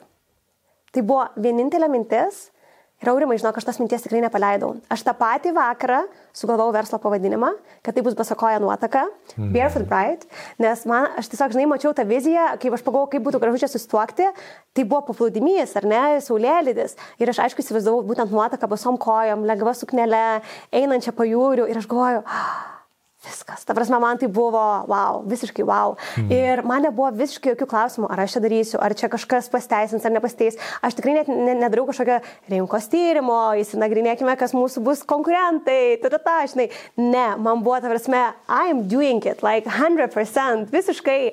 Ir viskas, ta prasme, realiai aš tą pačią dieną žinojau, kad aš darau. Ir nežinau, ta prasme, nuoširdžiai, nežinau, Tenerifei, ar iš viso galima legaliai susituokti, ar galima daryti santokos palaiminimą nežinau, kur galima susituokti. Neturiu absoliučiai jokių kažkokių pažinčių, kontaktų. Nu, ta prasme, zero, zero. Bet man nebuvo, man niekada, žinok, nuoširdžiai galiu ranką prie širdies pasakyti, man niekada nebuvo minties, kad gal aš nedarysiu. Ta prasme, aš galvoju, atėjo šitą mintis, aišku, kad aš darysiu. Čia, net ta prasme, no brainer. Ir viskas rutuliuojasi labai greitai. Aš uh, tą patį vakarą nusipirkau domeną, uh, Barefoot Bride buvo užimtas, tai teko pasiimti Barefoot Bride Tenerife. Ir kaip aš mhm. jaukiuosi, sakau, man tuo metu man taip patiko tas pavadinimas ir jis man iki šiol taip patinka, bet aš negalvoju, kad jis vėliau tiek sukels kuriozų, nes tas beer, basas ar ne, skamba labai panašiai kaip meška arba alus. Ir kiek kartų aš esu gavusi šitą. tai žinai, vėliau dabar sakoju, buvo toks tobulas pavadinimas ir arba meška, arba alus. Ta prasme, klasika, žinai. Tai, tai šitas dalykas tikrai buvo labai daug kartų, bet iš esmės tas pavadinimas man iki šiol labai labai patinka, labai rezonuoja ir labai atspindi vat, būtent tą viziją. Mm. Ir Ir viskas, ar iš tikrųjų tą dieną nusipirkau domeną ir neriau į visą tai. Ir va todėl viskas, žinai, turbūt užtruko dabar man pradėtą verslą, užtruktų turbūt savaitę, kad aš viską, žinai, susidėliočiau, kaip kas, aš žinočiau, ką daryti. Tada mhm. aš, tarsi, aš nežinau, nuo ko pradėti domeną pirkti, čia dabar website daryti, čia dabar ieškoti vestuvių vietų, tai kaip čia viskas atrodys, tai čia paketus daryti. O, tai, o Jezu, ta prasme, tu nežinai nieko, tu nežinai yeah. absoliučiai nieko, bet uh, aš net, žinai, kaip būna, man būdavo overwhelming, ką dabar googlinti, nes atrodo, kad viską reikia googlinti. Žinai, ta prasme, wow, tu net, net, net nežinai, kurią pusę bėgti, yeah. nes sak, visko reikia. Ir website, ir vestuvių vietų, ir kažkokio elektroninio pašto, ir per kur aš akumuliuoju, o Dieve, tai čia Facebook, kaip, ta prasme, logotipas, nu, ta prasme, milijonas no, dalykų. Yeah. Tai aš labai gerai prisimenu tą jausmą, kai tiesiog net nežinai, kurią pusę čia iš viso, žinai, nukreipti tą energiją. Bet um, Bet jo, minčių kažkokių ir kitų dviejonių net nebuvo ir aš sakau, tikrai nuoširdžiai galiu pasakyti, aš tuo metu neturėjau nieko, apart didžiulį, didžiulį entuzijazmą ir norą. Mm. Ir tada aš pagalvojau, kad ašgi net neturiu kažkokio tai konkretaus įsilavinimo, kaip šitas vestuves planuoti. Ir aš nutariau, kad man reikia gauti įsilavinimą. Aš susiradau tikrai labai kietus, tikrai labai kietus vestuvių planavimo kursus Junktiniai karalystiai, per, bet internetu tenai tu gali mm -hmm. viską mokytis ir gauti diplomą. Žiauriai, faini kursai, gera programa, tikrai labai labai viskas buvo super su tuo, bet problema buvo ta, kad jų kaina kaina 1200 eurų, mano mėnesio tuometinė alga. E, tai man tai buvo, nu, tikrai labai didelė, žinai, pinigai. Ja. Ir, ir šiaip tai tikrai nėra, žinai, maži, nu, tai pinigai ten online kursam. E, tai man buvo tuometinė tik dilema, kaip susikaupti tų pinigų. Aš sukūriau planą huliganą, kaip man uždirbti per porą mėnesį tą 1200 eurų papildomai, investuoti tą vestuvių planavimo kursą ir tada jau nersta čia galva. Kaip tu tą padarėjai? Hmm. tai čia turbūt, jeigu galima pasakyti, žinai, kaip pasakiau, turbūt kitas mygtukas pasispaudė, kad verslą kursiu, tai prasidėjo matytis ir visas tos galimybės. Tai tuo metu Tenerifei uh, visiškai nebuvo, bet aš pastebėjau, kad pasauliniai rinkoje pradeda populiarėti auksinės tatuiruotės. Tokias, ta prasme, realiai tai yra, žinai, kaip tos nu, tatuiruotės prilipinamos, trumpalaikės yeah. tatuiruotės. Tai tuo metu buvo užtreninančios tokios būtent tatuiruotės, bet tikrai tokios gražios, sakyčiau, ir auksos spalvos. Mm. Ir ant įdegio jos tikrai atrodo, muah, ta prasme, amazing. Tai ką aš dariau, aš susiradau, iš kurias galima užsisakyti, užsisakiau jų nemažai šimtų, okay. dalį į Tenerife, dalį į Lietuvą, susikūriau Facebook puslapį ir pradėjau prekiauti. Bet iš tikrųjų, tai mano pagrindiniai pardavimai uh, įvyko per Tiesiog labai organiškai. Aš tomis tatuiruotėmis puoždavausi eidama į darbą. E, ten ateidavo labai daug turistų, jie pastebėdavo tas tatuiruotės, paklausdavo, iš kur jos. Ir aš sakydavau, nu šiaip žinokit, tai galit nusipirkti. Jie grįždavo kitą dieną ir viskas. wow. tai iš tikrųjų aš taip pahaslinau porą mėnesių ir sustaupiau savo įsojotę kursam. Geras, nebuvo, nu, kad matai čia tame potencialą ir kad reikia čia visą... visą tai buvo trendas. Žinai, reikia ir suprasti, kurie yra verslai tiem, kuriuos tu gali, žinai, gali statytis ir, ir kurie yra verslai tie, kur yra trendas, kur tu gali, žinai, užšokti ir mm. išnaudoti kažkokiam laikotarpiui. Tai man dabar tai yra tiesiog žiauriai jokinga prisiminti, bet ne, aš tuo metu tikrai negalvoju, kad aš iš to statysias Empire ir kad su auksiniam tatuiruotėm susijęs yeah, savo gyvenimą. Ne, ne, ne. Okay. Bet užsidirbti tam laikotarpiui tai buvo tikrai labai gerai ir ką aš irgi rekomenduoju žmonėms, ar ne, tikrai Pas mane dažnai ateina irgi moteris ir sako, pavyzdžiui, aš noriu vat, pradėti verslą, bet man reikia pinigų. Ir sakau, bet tai kiek jums reikia pinigų? Nežinau, o tai kaip įsivertinti? Tai pradėkime nuo to, kad reikia įsivertinti, kiek reikia tų pinigų. Mm. Ir tada galvokim, ar mes turim galimybę kiekvieną mėnesį atsidėti tam tikrą sumą, ar mes galime apsimti kažkokią tai papildomą darbą. Šiais laikais galimybių kokio papildomo darbo apsimti yra va tiek. Tu tik tai norėk, tik tai norėk. Žinai, kiekvienas realiai gali atrasti kažkokį papildomą darbą ir įsivertinti, ko reikia. Tai va mano atveju tai buvo tas auksinis skaičius 1200 eurų, mano svajonė. Okay. Apie tą papildomą darbą. Aš mhm. taip kažkaip įsivaizduoju, kad gal tai nėra taip paprasta, kaip atrodo, bet tu man padėk. Mhm. Nu, vat, ką galima papildomai nuveikti? Labai daug dalykų. Pavyzdžiui, nežinau, galbūt žmogus turi talentą rašyti tekstus. Jisai gali tiesiog pasiskelbti, kad jisai dabar, na, dirba, tarkim, copywriting, ar ne, gali mhm. rašyti, tarkim, tekstus. Galbūt jisai gali Instagramo tekstus rašyti, galbūt jisai gali kažkokią kalbą mokinti, galbūt jisai gali e, prižiūrėti vaikus, kaip pavyzdys, ar ne. Galbūt jisai gali tą patį maistą pristatinėti. Ar ne, įsiglinus, kad tu tai darai tam tikrą laiką. Tada ja. ir prasmė net ir kažkokio, gal ne visai super, nežinau, malonaus darbo, jinai atsiranda, nes supranti, koks tikslas, kodėl tu tai darai, žinai, link ko tai veda. Galbūt tu gali, nežinau, būti virtualiu asistentu, padėti kažkokiam žmogui dirbti su mm -hmm. kažkokiu verslininku, pavyzdžiui, kažkokius įgūdžius atvarkyti. E, tai, nežinau, galbūt tu gali, turi kažkokius minimalius, e, nežinau, įrašo editinimo įgūdžius ir gali, pavyzdžiui, podcastus paeditinti, kur bent jau garsas. Ten iš viso nėra daug ką, žinai, yeah. Tarkim, daryti, iškirpti, ta, ta, ta, sudėti kažkokius dalykus. Net jeigu tu neturi iš tų įgūdžių, tu juos gali išmokti ir tada gali juos monetizuoti. Tai man atrodo, kad jeigu nori, žinok, man atrodo, tikrai begalė yra galimybių. Ir sakau, nebūtinai tai yra kažkokia, nežinau, kvapą gniaužinti karjera, bet tai mm. gali būti tas va žingsnelis, kurio reikia tam, kad tu galėtum užsidirbti tam, kad tu galėtum įdėkti tos svajonės. Ok. Um, aš taip vieną akcentą turbūt noriu uždėti aš, iš tavo vat, istorijos, kas, ką aš labai jaučiu ir pas save, ir tikrai pas save mm. labai istorija girdisi, kad kai tu labai aiškiai pradedi judėti vieną kryptim, -hmm. tai tikrai, nu, kaip kokia magija viskas pradeda jungtis. Taip. Tiesiog atrodo, vat, ir, ir, ir ypač jeigu į tai nežiūri perfekcionistiškai, kas Taip. man labai patiko pas tave, žinai, ten barefoot bride, barefoot bright.com yra užimtas, bet tinka su Tenerife. Vėliau mes nusipirkom ir tą barefootbride.com, okay. bet tai buvo brangi investicija, tai teko nemažai padirbėti, kad įsigyti galiausiai. jo, bet tiesiog ta, bet viskas pradeda dėliotis ir, ir, ir tai man yra nu, toks kaip ženklas, kad uh, I'm on the right track, bet aš esu Geras, teisingame tam kelyje. Taip, jo, tai labai, pritariu. labai faina. Pritariu, bet žinai, vėlgi, kartais galbūt tas kelias ir būna ne visą laiką, mak, žinai, tiesus ar lengvas, ar kartais gal net tikrai atrodo, kad esi savo kelyje, bet dalykai iš karto nesidėlioja labai labai lengvai. Bet aš manau, kad net ir tokiu atveju gal tada verta, žinai, nuklausti savęs, ar čia aš gerai viską dėlioju ir ta, ta, ta, mm. bet, uh, bet tiesiog move, for, move forward, tikrai, judėti pirmin, judėti pirmin, bet kokiu atveju, tikrai. Nes, tarkim, mums galiausiai, žinai, kai aš paleidau tą verslą, tai man nuoširdžiai tuo metu buvo tikslas tiesiog pakeisti algą tuo metinę, žinai, su tuo verslu. Man tai atrodė, kad jau būtų absoliutus kosmosas, kad uždirbti 1200 eurų, žinai, iš to darbo. Mm -hmm. Man tai atrodė absoliutus kosmosas, uh, bet uh, bet aišku, vėliau, žinai, supratai, kad čia tikrai nu, nebuvo kosmos, kosmosiniai kažkokie tai tikslai ir, ir juos lengvai gali, nežinau, kiek kartų padidinti, e, bet tai nebuvo, kad, žinai, žiauriai greitai pradėjo tie klientai birėti, žinai, reikėjo, nu reikėjo, nors ir viena kryptimė jau, bet nu reikėjo vis tiek galiausiai, tu neturi ką parodyti, žinai, tu visiškai neturi, tu neturi nei kažkokių vestų prieš tai kokį parodyti, nei dar kažko. Tai...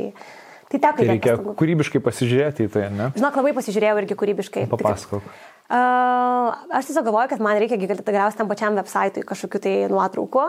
Ir tiesiog galvoju, gerai, ko man reikia? Ko man reikia, kad aš galėčiau parodyti, kad čia yra vestuvės? Man reikia vietos, ar ne? Reikia vietos, reikia poros, poros vyro ir moters, ar ne? Reikia gėlių, nuotaka turi turėti plokštę, reikia suknelės, reikia fotografo. Nežinau, kodėl metu man atrodo, kad būtinai reikia ir grupės muzikinės. man atrodo, kad būtinai reikia ir muzikinės grupės. E, realiai turbūt ir buvo tokie esminiai dalykai. Bet ką aš susidėliojau, kad aš galvoju, jeigu aš galvoju iš tuos dalykus turėsiu, nu dar dekoracijos kažkokios, tai gražios arka. Ir aš galvoju, jeigu aš turėsiu iš tuos dalykus, aš galėsiu jau realiai pasidaryti gražias nuotraukas ir jau jas dėti savo internetinę svetainę. Ir žiūrėjau viską labai kūrybingai. Ta pati vieta, kurioje man atėjo vizija apie vestuvių verslą, aš tiesiog atėjau į tą vestuvių vietą ir tiesiog labai atvirom kortom paprašiau jų man paskolinti savo paplūdimį fotosesijai. Ta prasme, tiesiog jie niekada to nedarė, jie kažkokių kainų neturėjo, jie pasimetė, aš buvau labai maloni su jais ir jie sako, nu gerai, jie net, žinai, neturėjo kažkokios kainos, kaip čia įvardyti. Yeah gerai, sako, ten tokia kaip ir žaidimo aikštelė buvo, aš ją prasivaliau, pati žaislus vaikus susirinkau ir viskas. Vietą jau turėjom, tikrai graži vieta, nieko negaliu sakyti. Susiradau gražią draugę, reikėjo gražaus vaikino. Tai viename iš restoranų, kuriame aš dirbau, gimė, gimė Dieve, atsiprašau, dirbo toksai simpatiškas vaikinas, tai aš pasiūliau jam irgi man pamodeliauti, jisai sako, nu kodėlgi ne, smagu, žinai, jisai irgi sutiko, tada su gėlėm buvo dar, dar smagesnė istorija, aš tiesiog ėjau į visiškai atsitiktinę gėlių parduotuvę, dabar tada eitum Akropolį į parduotuvę Aha. ir sakytumėt, ar paskolinsite man gėlių fotosesijai. Tai dabar, naivumo lygis 100, tiesiog, žinai, visiškai. Bet būtent taip ir buvo. Aš tai jau ir sakau, aš noriu daryti fotosesiją. Ar galime paskolinti gėlių? Ir taip parduotuvėje dirbo tokia labai miela ukrainietė. Ir jinai irgi pasimetė kaip ir visi, nuo tokio mano prašymo, ko aš čia noriu ir taip toliau. Bet jinai sako, gerai, sako, mes, žinai, sako, aš pakalbėsiu su savininkė, bet aš manau, kad tau paskolinsiu. Ir įsivaizduok, aurimai, tai ta moteris, ta vat, ukrainietė, gėlių pardavėja, pas kurią aš nuėjau, jinai iki šios dienos yra mūsų pagrindinė floristė jinai jau seniai nebedirba toj parduotuviai. Mes su ją tada susibendravom, mes turėjom tą pirmą fotosesiją ir nuo tos dienos turbūt nebuvo vestuvių, kur nebūtų jos darytų wow. geriau. Tai įsivaizduoji? Kaip va, toksai visiškai random žmogus, realiai parduotuviai, kuris dirbo, mes taip ir, va, kaip viskas susidėliojo. Tai, tai va, irgi lygiai tas pats, grupė, viename iš restoranų e, koncertavo tą grupę, mes su jais per pertraukėlės pabendraudavom ir aš sakau, ar galit papazuoti? Galim papazuoti. Ir susiorganizavau ir grupę. Visiškai tiesiog tai buvo prašymų, ką aš jam pasiūliau in return, tai buvo tiesiog pakviečiau vėliau visus pietų. Tai mes visi draugė turėjom mhm. pietus, gražias nuotraukas, visiems buvo smagu, viskas buvo gerai, bet tai irgi buvo tiesiog, ir aš esu labai dėkinga tiem žmonėms, kad jie tada patikėjo, žinai, mano idėją, bet ką tai vėlgi, ar nerodo, kad klaus, prašyk, žinai, nu, ta prasme, ieškok būdų ir, ir, ir tau pavyks. Jo, bet aš irgi tą girdžiu, nes labai dažnai žmonės nu, įsivaizduoja, va, planuodami tai, ką tu suplanavai, nu, biudžetas jau būtų ten, žinai, nu, 5000. Nu, tikrai, nu, ten primeti jo, o čia su nuliniu biudžetu. Nulis, suknelę aš turėjau baltą, panaudojom tą suknelę, labai gražiai atrodė, viskas, tikrai viskas buvo gerai, bet wow. nu, reikėjo suktis kažkaip iš visų, žinai, iš visų tų situacijų. Okay. Tai va, tai ir viskas tikrai puikiai pavyko. O kaip verslo pradžia? Kaip uh mhm. sekėsi tavo verslo pradžia? O, verslo pradžia. Tai vėlgi, žinok, tas pats maksimalizmas padaryti maksimaliai, ką tik tu gali viską, žinai, viską, mm -hmm. viską, viską, viską, tikrai absoliučiai. Uh, tai, tai sakėsi iš tikrųjų gerai. Ir aš manau, kad tas verslas, gal galima sakyti, labiausiai taip kaip ir sprogo nuo rekomendacijų pagrindė. Tikrai žmonės pradėjo greit, žinai, rekomenduoti. Ir mano pirmosios vestuvės labai kurioziškai vyko. Uh, aš Tenerifei, maža, žinai, ta sala, nu tikrai mm -hmm. ir kalbėjau, pasakojau, aš ne, nelaukiau, kol aš pristatysiu verslą ir turėsiu ką parodyti, aš pasakojau, kad aš kuriu tą verslą. Tai tikrai vietiniai, kurie gyveno, kas buvo mūsų aplinkiniai, jie žinojo, kad ar ne, kad aš tai tą darau. Tai mano tikrai rekomendacija yra nebijoti ir kalbėti apie tai, ką mes darom.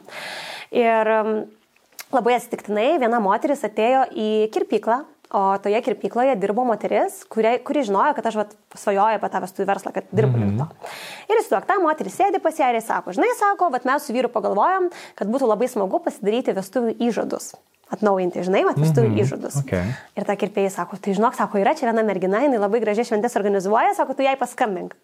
Sulaukė skambučio, sako, va, mums jūs rekomendavo ir mes norėtum pasidaryti vestuvių atnaujinimo įžadus, bet žinokit, mes ten rifai dar būsim keturias dienas, ar jūs spėsit? Tokios buvo mano pirmosios vestuvės. Wow. Ta prasme, kai tu susipažįsti su pora ir tu realiai turi įgyvendinti viską, tai tai buvo irgi absoliutus kosmosas, žinai, kaip, kaip visas tas gavosi, bet tai buvo nuostabi patirtis ir aš irgi tai neriau. O Dieve, tu mano, ta prasme, žinok, nu dabar prisimenant, mes darom tas vestuvės paplūdimyje ir mes turėjom arką vestuvinę, kurią reikėjo pastatyti. Mhm. Tarsi tą vestuvinę arką reikėjo kažkaip nusivežti. Mano tuometinis automobilis buvo smartas. Ta arka nei pro kur netilptų. Biudžeto tą arkai nuvežti nėra, nes ir klientam norisi kuo pigiau viską padaryti. Tai. Bet vėlgi, kūrybiškai žiūri, galvoji, galbūt kažkas sutiktų ją atvežti, galbūt kažką gali padaryti. Bet tai prasme, vėlgi visur tie kažkokie kūrybiniai sprendimai, kaip ir ką žinai padaryti. Ir, ir, ir viskas puikiai praėjo. Buvo puikiai, žinai, maža šventė, tai labai gerai, kad pradėjom nuo mažų kažkokių mm. projektų. Ir viskas, ir po to pradėjo viskas vystytis, buvo kita nuostabi pora iki šios dienos prisimenu, matau jų gražią šeimą, jų vaikutį ir, ir labai labai smagu tai yra matyti. Tai tikrai Geras. Na, tai viskas po truputėlį iš tikrųjų pradėjo rutuliotis. Okay. E, vieną dalyką aš noriu užtvirtinimui, ką tu paminėjai, va, tu sakai, aš nebijau dalintis idėjom ir rekomenduoju tai daryti. Mhm. Kodėl? Nes tikrai daug žmonių būna net parašo Instagram'e, turiu vieną idėją, bet, nu, nesakysiu, vos nežinai, nu, kažkur noriu tau pasiūlyti idėją, bet vos nesakysiu kokia. Ir kas pradeda savo, ypatingai jeigu verslus, nu, tai man atrodo labai bijo apie tai kalbėti. Uh, todėl, kad idėjų yra milijonai. Įgyvendinti čia yra kitas reikalas kaip tu tą idėją įgyvendinsi. Mhm. Ne? Tai ta prasme, daug kas galėjo sugalvoti kažkokią tai appso idėją ar tą pačią bolto idėją, ar ne? Tačiau ar tai reiškia, kad jie būtų ir padarę? Tikrai nebūtinai. Visai nesiniai žiūrėjau labai fainą, tokį kaip ir, nu, filmų seriją apie mhm. Spotify, nežinau, ar žiūrėjai. A, taip, Žiūrėjai, labai neseniai. Neseniai, ir ne, va, visai neseniai pasirodė irgi jo. Ir, pavyzdžiui, irgi, žinai, kaip galima sakyti, nu, va, Spotify įsidėjo, ar ne? Bet tu matai, tai kiek reikėjo įdėti darbo iš viso į visą tai ir, o jezu, ta prasme, ir tada vat ir supranti, kad tai yra ne ta, kad, o, aš irgi būčiau galėjus turėti Spotify'us idėją, būčiau dabar milijonieriė. Žinai, gulėčiau vakarybose, deginčiausi ir asta lavista būtų. Tai ne, supranti, kad yra, žinai, truputėlį kitaip ir visas tas nuo idėjos iki jau sėkmės yra tas ilgas kelias, kurį žmogus ir turi nueiti. Mm. Tai todėl man kažkokia idėja, nežinau, ar dalintis, ar, ar kažkaip ją ten perdėtai būtinai saugoti, man netrodo, kad būtinai reikėtų tai daryti. Uh Kaip, kas vyko toliau su tavo verslu? Nes dabar tu minėjai, kad tu skiri tik tai dvi valandas tam. Mhm. E, tai kaip tau pavyko su juo, dabar galvoju, gal, gal dar e, ne atsisveikinti, bet mhm. kaip tau apskritai sekėsi surinkti kolektyvą, kuriam tu paskui galėtum patikėti tą verslą? Mhm.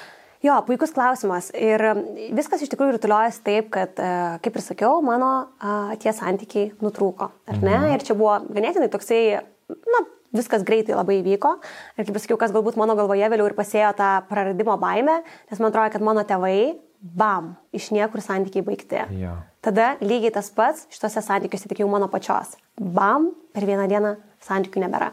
Ir tai buvo labai keista, todėl kad uh, aš prisimenu, kaip šiandien buvo sekmadienis ir uh, mes kažkaip sėdėjom ir jis sako, žinai, sako, vat, mes jau ilgai kartu ir nežinau, kodėl jis tai pasakė, niekas už liežuvį netraukė, reikėjo taip nesakyti. Ir jis sako, žinai, sako, vat, manau, kad, žinai, matau, žinai, mūsų sekantį žingsnį ir, žinai, ten apie sužaduves užsiminė labai konkrečiai. Pirmadienį mes įskiriam. Tai man buvo, wow, žinai, ir aš iki šiol, aš iki šiol kartais savęs paklausiu, kas buvo jo galvoje, kai jis apie tai kalbėjo, nes mes skiriam, ten buvo kita moteris, žinai, tose mhm. visoje toje situacijoje. Tai aš nežinau, jis gal pats buvo tuo metu labai pasimetęs, apie ką čia viskas vyksta, žinai. Bet, bet įvyko kaip įvyko. Man tuo metu tai buvo tikrai didžiulis smūgis, ja. tikrai nelengvai aš tai priemiau ir, ir žinai, suvirškinau, bet uh, man buvo tikrai, sakiau, kad, žinai, bet tai buvo toksai žemiausias iš viso mano gyvenimo laikotarpis, sakyčiau. Nes man atrodo, aš tiek stengiausi tą verslą čia kurti tam, kad galėčiau būti šitoj saloj laiminga, o dabar aš toj saloj turėsiu gyventi, kur gyvena mano buvęs su nauja moterimi mūsų namuose. Ir aš galvoju, aš tas wow. mes šį toliausiai nežinantis noriu kur tik įmanoma. Aš net iš tą salą pažiūrėti nenoriu. Kokį tą prasme, žinai. Tai man buvo toksai keiščiausias dalykas ever. Aš tiesiog negalėjau suvokti, kad aš tik jau būčiau dabar kaip ir laisva. Bet dabar nebegaliu, nes turiu vaiką, savo verslą, kurio aš nenoriu paleisti, nes aš jį, žinai, auginau su tokia meile. Tai buvo labai keistas laikotarpis ir iš tikrųjų tai buvo laikotarpis, kai aš nuoširdžiai norėjau eiti iš namų, nes tai yra maža sala, trys gatvės, kur, žinai, visi leidžia laiką, eina į restoranus ir panašiai. Ir, ir ypač tuo metu buvo, dabar jinai truputėlį įsiplėtė. Bet tai tikrai buvo maža, nu, ma maža ir tai yra, žinai, tai yra maža sala. Mes turim visus bendrus pažįstamus. Ir aš žinau, kad čia, mū, vat, namuose, kuriuose aš anksčiau gyvenau, jau gyvena mano buvęs su nauja moterim. Ir aš niekur net nenoriu kišti nosies iš namų, nes mane nuo minties, kad aš juos sutiksiu, tiesiog purto. Taip.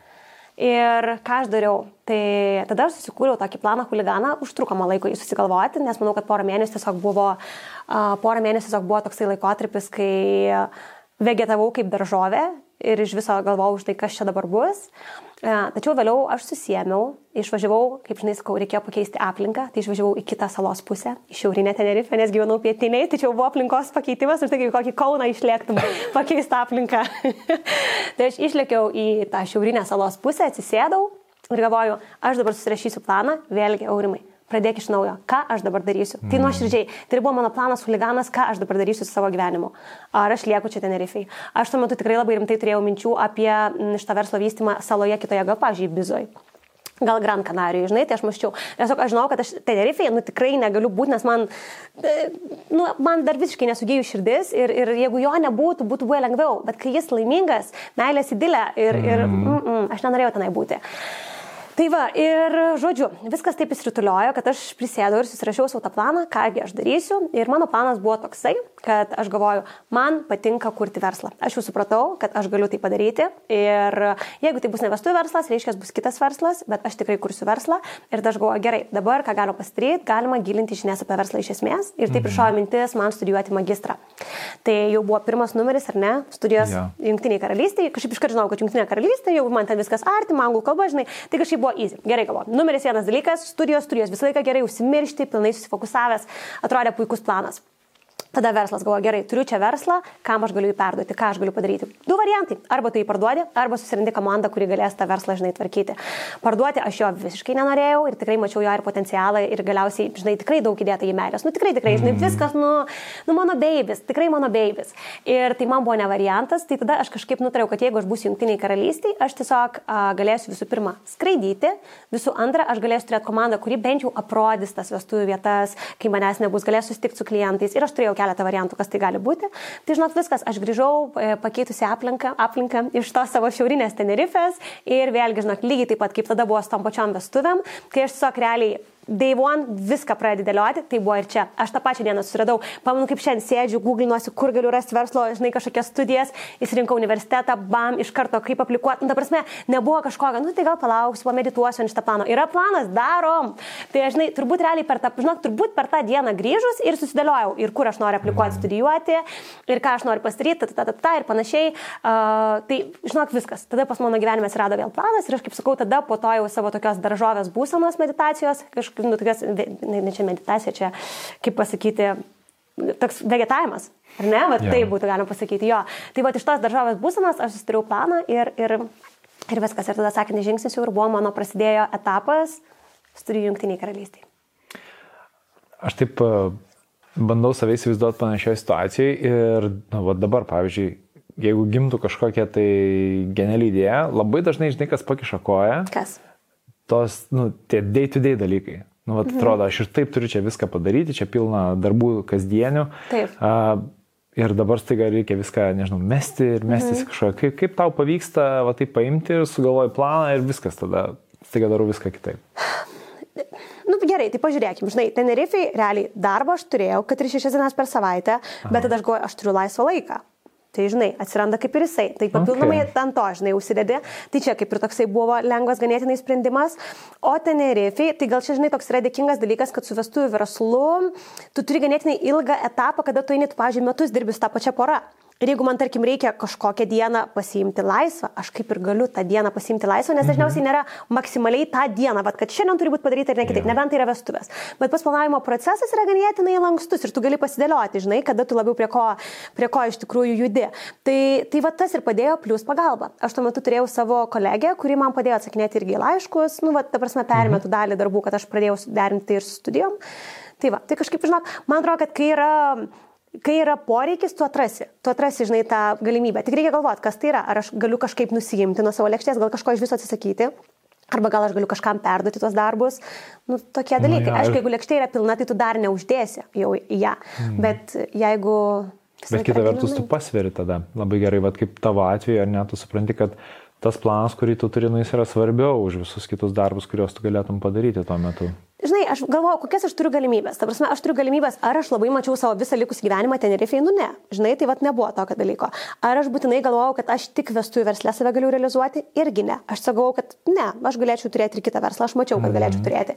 Tai tada tu kaip ir tokių didelių priežasčių likti tik Tenerifei man kaip ir nebuvo. Tai viskas, tada pradedi galvoti, okei, okay, reiškia, tai nėra vienintelis variantas, nors tikrai nemeluosiu tuo metu, kai aš buvau kaip daržovė ir tiesiog nieko nenorėjau, man atrodo, kad tai yra vienintelis kelias, kad aš turiu čia likti, kad reikia aukotis, eiti iš tą kančios kelią ir tada. Ta, ta. Ir nežinau, kas taip gerai kažkas taip, tiesiog atrodo praputė, gal važiuojant į tą šiaurę, praputė gal mhm. vėjelis gerai smegenis ir supratau, kad nereikia čia kažkokios aukos būsenos pasiimti ir, ir tiesiog priimti iš tą liūdną kančią ir, ir galima pradėti vėl iš pradžių. Mm, geras. Kažkaip jo, iš tikrųjų kartais va tokia pertrauka labai daug padaro, nes uh, man, man šią vasarą, oi, sakau šią vasarą prieš jau daugiau nei pusantrų metų, vat, kai Taip. gimė pati viso šito podcast'o idėja. Tai irgi buvo, grinai, vat, po tokio labai labai gero poilsio, Taip. visiško pakeitimo aplinkos, šviesia galva, tu pasižiūri ir aš tuo metu ten gal tris metus išėlės neturėjau jokios pertraukos. Mhm. Ir, žinai, ir supranti, kad tuo metu tu tada įvažiuoji į tokį automatizmą, į tokį automatinį režimą, tai, nu, kaip faina, kad tiesiog pakeisti aplinką, nueiti kažkaip vis, vis, visai kitaip paveikti, negu tu įprastai veiki ir tada ir gimsta tokios idėjos. Šimtų procentų. Ir žinai, galiu pasakyti, aš iki šioliai laikausi iš tos tradicijos, nors kiek visko daug vyksta, bet aš savo kalendoriją turiu laiką pamastymui, pagalvojimui. Tikrai, mhm. prisiekiu, žinok, tikrai. Ir kai aš matau, kad visko tampa per daug, aš tada pradedu galvoti, ką dar daryti, nes man reikia tos erdvės.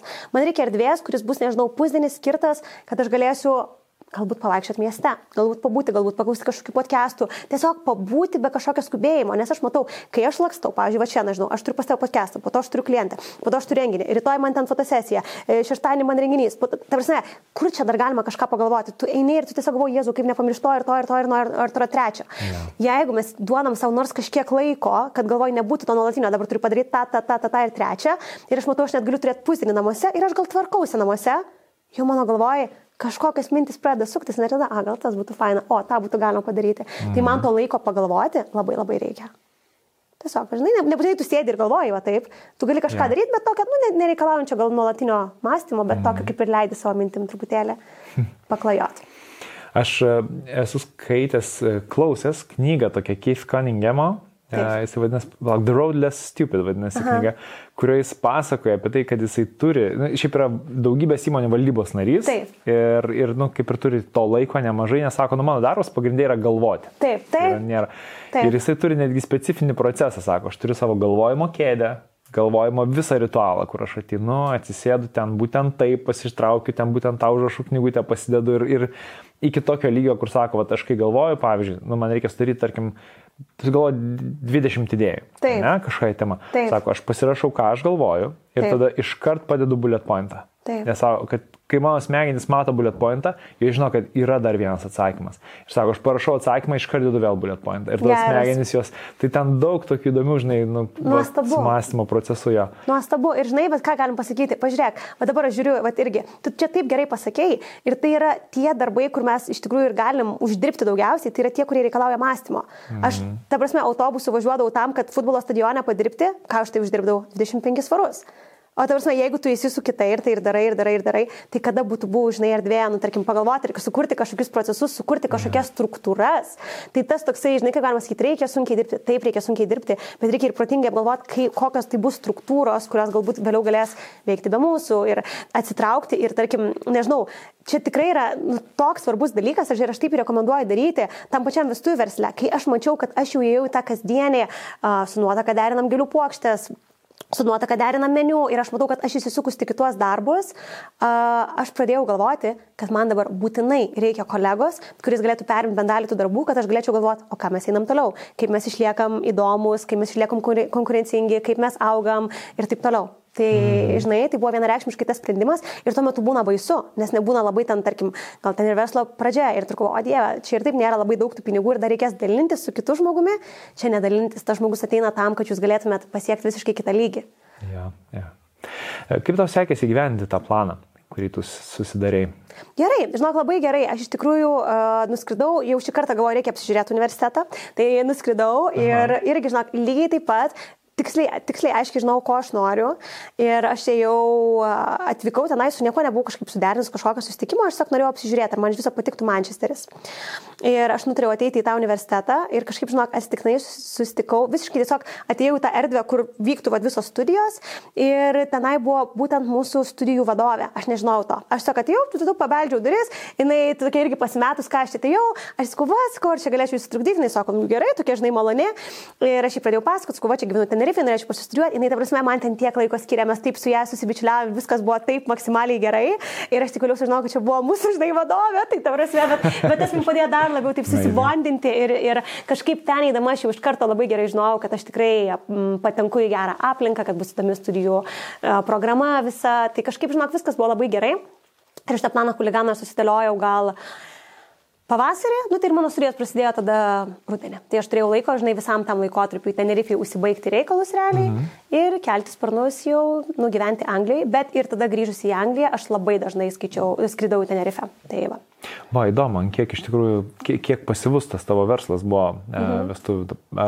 Nes dabar sakai, jisai, nu, tu vis dar turi tą verslą, mhm. jisai reikalauja dviejų valandų per savaitę.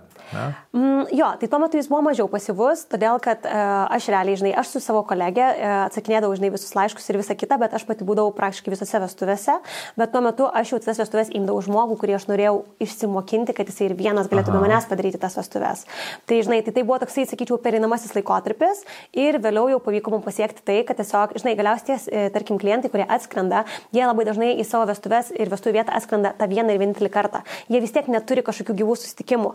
E, jeigu atvirai, tai mes turėjom labai daug klientų būtent iš Anglijos, aš ir aš sakau, jiem dar net dar patogiau, kad aš esu Anglijoje, gali čia su manim susitikti. Mm -hmm. Tai aš viską, žinai, pažiūrėjau iš kitos kažkaip pusės, uh, tada galvoju, klientai Lietuvoje reguliariai grįžti į Lietuvą, čia galėsiu susitikti ir aš galvoju, niekam aš čia nedarau kažkokios tai, nežinau, palaimingos laimės, kad aš čia sėdžiu Tenerifei. Žinai, aš galvoju, aš lygiai taip pat susitiksiu su klientais Lietuvoje, susitiksiu Anglijai, viskas bus gerai. Mm -hmm. Žinai, tai va, o tada įrinkausi iš tikrųjų universitetą, man buvo svarbu, kad miestas būtų patogus skraidyti į Tenerifę, tai čia buvo vienas iš aspektų, kodėl Manchesteris yeah. mane domino irgi. Okay. Santykius, kada tau galiausiai pavyko taip jau paleisti pilnai? Mhm. Man, aš klausiu iš tokios vietos, kur aš žinau, kad aš ir pats esu turėjęs santykių dar iš tikrųjų labai labai anksti vaikystėje, mhm. kurie buvo, kad aš ilgai negalėjau paleisti to išsiskirimo. Įdomu, kaip tau pavyko tą padaryti galiausiai? Minimum metai. Taip, wow. tikrai. Minimum metai, aš sakyčiau. Jo, tikrai. Uh, Uh, minimum metai. Pasakok truputėlį, per ką tu pereidinėjai, tiesiog, kad, kad suprasti ir, mm. ir mhm. galbūt net gali kažkokių rekomendacijų, kur tu jautėjai, kokias klaidas darai, gydama nuo to. Um, kokias, aš sakyčiau, dariau klaidas. Žinai, Gradakė man dar anksčiau įsikraustyti, nes tas labai stipriai padėjo, kai aš pakeičiau tą aplinką. Mhm. Tai, tai tas tikrai buvo a big one. Bet um, Iš esmės, žinai, man atrodo, kad nėra labai kažkokio čia stebuklingo vieno recepto. Yeah. Man atrodo, kad tai tiesiog yra iš tikrųjų kelionė, kurią reikia praeiti, kaip būtų gaila ir aš labai norėčiau, kad būtų. Uh, mano artima draugė man yra rekomendavusi knygą, dėja tuo metu aš jos neskaičiau, net nežinau, ar ta knyga, nežinau kokia jinai senumo, How to Fix a Broken Heart. Tai aš jos neskaičiau tuo metu, bet mano tai vadraugiai, kuri ėjo pro skirybą, sakė, jį labai labai padėjo. Ir manau, kad yra labai nuostabių dabar žmonių ir Instagram'e, YouTube kalbančių apie santykius. Tai aš dabar atsigręžčiau į tokį turinį. Mm. E, tuo metu aš iš tikrųjų, nu, tikrai ėjau pro tai viena ir gaila. Ne aš kreipiausi kažkokius psichologus, psichoterapeutus, dar kažką. Aš iš tikrųjų ėjau viena ir vėlgi, kaip aš tau ir minėjau, aš esu tas žmogus, kuriam, kai yra blogai, aš užsisklendžiu. Ir turbūt tą tokį mano gal tikrą liūdėsi mato tik tai mama. Tai aš prisimenu, tai pačiai Tenerifei, aš skambinau mamai kiekvieną dieną be išimties, kiekvieną dieną. Nes man tai buvo vienintelis žmogus ar laikas, kada aš leidau savo būti visiškai trape ir, ir žinai, tokia, vat, nu, palūžusią. Ir, pavyzdžiui, aš prisimenu, kai mes įsiskyrėm, tai po to gal sekančią ar dar sekančią dieną aš turėjau suplanuotą filmavimą su emigrantų televizijos laida. Ir e, aš buvau tokiam giliam skausme, aš buvau mhm. tokiam, tokia heartbroken, kad kosmosas, man ten atrodo, kad mano visas pasaulis, aš tau galiu garantuoti, visų griuvo, žinai, uh, aš esu įstikinus, kad kūrybinė komanda net nebūtų supratusi, kad kažkas man yra blogai. Mm. Žinai, aš visiškai tada, nu, tu įsijungi, ta, ta, ta, ta, ta, žinai, ir tu, nu, esi kitame, kitame režime. Tai va, tai kažkaip tas yra ir tai tikrai nenorint uh, apsimesti ar dar kažkas. Aš tiesiog esu toks žmogus, kuriam yra geriau įsilaižyti pačiai tuos dalykus. Ir sakau, yeah. mama, aš turbūt, žinai, tik įsileidžiu į tą erdvę, kur aš galiu atsiverti. Arba man reikia ilgo pokalbio, kažkaip, va, žinai, bet, žinai, būna žmonių, kuriems tikrai blogai, jie turi eiti ir kalbėti. Aš esu tas žmogus, kuriam yra blogai, aš noriu pabūti viena ir, mm. ir tada aš jau galiu gal kalbėti, reflektuoti ant, ant viso to. Mm. Labai šitą atpažįstu, bet e, pas mane gal buvo e, toks da, dar vienas sluoksnis, į kurį nu, aš jau dabar taip žiūriu labai neigiamai. Mhm. Ne, tiesiog aš, aš net savo pačiam neigdavau okay, skausmą. Okay, okay. Tiesiog išmokau tiek užsidaryti, kad aš, e, nu, ten kažkas bando mane skaudinti, ten pažemina ar dar kažkas, aš to net nejaučiu. Nu, toks, mhm. tiek tvirtas, kad net nejaučiu. Tai, Tai paskui nuteko iš tikrųjų ir, ir, ir per terapiją pereidinėti, ir, ir, ir viena knyga, pažeidžiamumo gale, Brenė mhm. Brown man labai labai padėjo. Tai su Brenė Brown apskritai aš kažkaip mhm. tuo metu, kai jau galiausiai suvokiau, kas vyksta. Taip. Nes man užtruko, taip sakyčiau, nuo 2012 metais pirmą kartą pamačiau Brenė Brown pažymimo galę, pranešimą mhm. TED ir tada jau aš kaip ir uh, jau buvau tikrai, sakykime, pažeistas Taip. labai stipriai, bet tuo metu aš visiškai to net pažinau. Man atrodo, kad mano gyvenimas nuostabus, žinai, ir, ir praėjo dar 10, 8 e, metai, kai aš pamačiau tą pačią Brenę Brown ir suprantu, kad jinai visiškai man kalba. Žinai, tą pažydžiamą galėjau tada labai daug atskleidė. Tai Tai jo, ten iš tikrųjų labai daug kalba ir apie tai būtent kaip svarbu ypatingai, jeigu tu išgyveni gėdą, gėdos mm. jausmą, žinai, e, nelikti savyje su to mm. gėdos jausmu. Bet yra, aišku, skirtingų dalykų ir klausimas jo, kaip tu turbūt moki e, būti tame. Ar, ar tu, nu, jeigu išgyveni skausmą, žinai, ar tu pati iš tikrųjų tą išgyveni, ar tai, nu, tiesiog irgi uždarinėjai kažkokį keutą, žinai. Ne, tai... savo pačiai neturiu poreikio, žinai, uždarinėti to, bet tik sakau, gal, nu, vat, žinai, kaip, aš čia gal su katinais sulyginčiau, man atrodo, kad jie irgi tokie, žinai, gal, vat, nu, išbūna patys vieni, mhm. ar ne? Mhm. Tai vat, kažkaip man irgi taip atrodo, kad tada, žinai, man atrodo, kad kai kalbu apie neigiamus dalykus, trigerinuosi tik dar labiau, tu turi grįžti, ne, tomis emocijomis. Pavyzdžiui, ja. man paskambina draugis, sakys, nu tai kaip tu jautiesi, kaip ten kas vyksta, ir aš pradėsiu pasakoti, ir man tik dar blogiau, nes aš turiu kalbėti, kalbėti, kalbėti apie tas mhm. emocijas, žinai. Tai man gal geriau, jeigu kažkaip, vad sakau, nu, tiesiog išbūti, išbūti su tuo.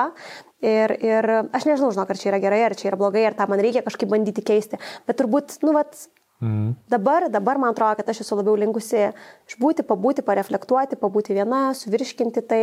Yeah. Ir, bet ne, neneigiu tų emocijų, tikrai neneigiu tų emocijų. Važnai galiausiai tas pats, man tikrai nebuvo toksai, o kaip smagu, čia linksmas gyvenimas, aš skyriau čia vėlnio visą tai. Ne, man buvo tikrai, žinai, liūdna ir kaip aš, žinai, sakiau, aš tarkim, tais pačiais santykiais per gyvenimą turėjau, žinai, trejus tokius iš tikrųjų svarbius man santykius, aš iš esmės esu labai lojalus žmogus. Mano, žinai, draugystės trunka nuo labai daug, taip yra naujų žmonių, kurie ateina į gyvenimą, bet mm. yra begalės draugysčių, kurios trunka nuo, žinai, vaikystės, paauglystės ir kur tikrai yra tikras ryšys, žinai, komandos nariai, aš juos labai priemu iš širdį. Nu, ta prasme, aš mėgstu sukurti ryšių, ryšį gilų yeah. su žmogumi. Okay. Gerai, tai tada pakeiskim dabar šiek tiek kitą temą. Ir e, studijos, tu pradėjai studijuoti, tu jau turėjai kažkokią viziją, kad norėsi kurti na, didelį verslą. Dėl ko tu nusprendai dar pastudijuoti? Mhm. E, tiesiog, žinai, tai buvo keletas sprendimų. Tai visų pirma, man atrodo, kad, kaip ir sakiau, aš norėjau įsikraustyti mhm. ir tada galvojau, kad būtų patogu gyventi Junktiniai karalystiai. E, konkretaus verslo, kurį kurs Junktiniai karalystiai, dar nežinojau. Pagalvojau, kad čia bus patogu skraidyti, Aha. plus e, tęsti studijas apie verslą irgi man atrodo labai gera mintis, nes aš buvau studijavus komunikaciją. Ir aš galvoju, aš tikrai išmoksiu kažko, žinai, naujo. Tai man tiesiog buvo toksai win-win visom prasmėm, plus tai buvo metai tam, kad gauti magistrą tik tai. Ir aš galvoju, nu tie metai man padės pilnai išgyti santykių prasme ir susidėlioti savo sekančius žingsnius. Ar aš lieku Junktiniai karalystėje, ar, žinai, ar aš pradedu vestuvių verslą gal kitoj saloje, ar kažkas tokio. Žinai, bet man mhm. buvo tokie metai, produktyvūs metai, nes tu išlaikai savo seną verslą, tu, žinai, mokysi, per kuriuos gali apsidėlioti tam tikrus dalykus. Tai va tokia buvo mano logika, nusprendžiant daryti šitą sprendimą. Okay. Pasiteisino? Kaip... Tikrai taip. Tikrai okay. taip, labai pasiteisino šitas sprendimas ir aš manyčiau, kad tada, žinai, ir buvo tas toksai, tikrai ir, ir universiteto prasme buvo tikrai įdomu ir sakyčiau, kad tada turbūt ir buvo uh, Žinai, užuomasgos mano dabartinio pagrindinio verslo, um, mano šiais Glowing klubo, mm. e, tai prasidėjo iš viso dar Tenerifei. Bet tada jos labai stipriai um, jau pradėjo įgauti tokį kaip ir kūną gyvenant Junktiniai karalystiai. Mm -hmm. Nu ir tada, aišku, Lietuvoje jau vyko visas sprogimas. Bet to viso šaknis buvo netgi Tenerifei. Ir viena iš tų priežasčių, tai vad buvo ir tas, kaip aš to pasakau, tas laikotarpis, kai aš nenorėjau išeiti iš namų. Ir čia skamba, dabar labai dramatiškai, bet tai buvo tiesa. Nes aš galvoju, čia tu gali stikti, ta, ta, ta, nu tiesiog man, plus aš žinai, kaip ir sakiau, jeigu man būna skausmas, aš viso mėgstu užsidaryti savyje. Tai man buvo tiesiog geriau būti ramiai savo namuose, nueiti, va, kažkaip, nu tiesiog, žinai, to erdvėjai būti. Tai, bet aišku, kad e, tai yra vieniša ir tu galvoji, kad tu nori su kažkuo kalbėti. Aš tuo metu mano vienintelis fokusas, vienintelis dalykas buvo mano va, tas vestuvių verslas, ar ne, kurį aš dėjau visą savo pastangas ir man norėjosi žmogaus, su kuriuo aš galėčiau kalbėti apie visą tai. Man norėjosi apstarti, per kokią platformą kurti internetinę svetainę tą patį. Man mhm. norėjosi apstarti, nežinau, tas pačias Facebook reklamas, tai buvo jų pradžia, žinai, nu, tikrai ne, nu, taip, tai buvo ganėtinai pati pradžia, toli gražu iki to, kas yra dabar. Aš pati leisdavau tos dalykus, būt, nu, tiesiog atrodo, kad būtų labai įdomu su kažkuo pastarti. Ir turbūt tas ir pradėjo tokia kaip ir mintis pirminės pradėjo suktis galvoje, kad būtų faina turėti šalia moteris, e, su kuriamis būtų galima apie tai kalbėti, mm. nes man tas, va, nu, moterų kažkaip draugystė ir, ir, ir ratas visą laiką buvo labai toksai artimas. Aš, pavyzdžiui, vyrų draugų neturiu. Aš turiu žinai, sužadėtinį savo, bet aš neturiu kažkokių vyrų, žinai, draugų, aš gal nu, labai dažnai kažkaip leidau daug laiko, vat, būtent moterų tame mhm. tarpe, tai man tai atrodė labai tokia maloni erdvė būti. Okay. Ir, ir kaip tada viskas susiklostė? Ir gal papasakok, kaip, kaip pati, pati idėja gimė, kur sakė, užuomasgos buvo, tai va, užuomasgos mhm. tokios, kad tau tiesiog norėjosi to ryšio. Jo. Tai va tos buvo, tos buvo užuomasgos. Bet tai neskamba dar kaip verslas. Toli gražu. Ne, čia buvo tik tai užuomasgos, absoliučiai tik tai užuomasgos. Ir man tai atrodė, aha, įdomu, aš tada pradėjau skaityti, vad kaip paminėtau, pasakojau, kad aš skridau į Mančesterį apsižiūrėti universiteto. Mhm. Aš nusipirkau labai daug knygų, e, būdama tenai. Ir e, pradėjau skaityti tas knygas. Ir tas knygos buvo apie visokias verslės moteris, kurios sukūrė žiauriai fainus verslus. Mhm. Ir man tai buvo kaip nežinau, pokalbis su geriausia draugė, nuoširdžiai. Nes aš skaitydavau ir aš galvodavau, wow, ir jinai turėjo kažkokių krizinių laikotarpių, bet juos įveikė. Ir man tai buvo toksai kaip tikėjimas, kad ir man gal tada pavyks, ir man pavyks, žinai, įveikti tuos kažkokius krizinius laikotarpius, kad, kad čia yra normalu, kad tu turi kažkokį tai, žinai, žemą tašką ir tu vėliau gali iš to pakilti.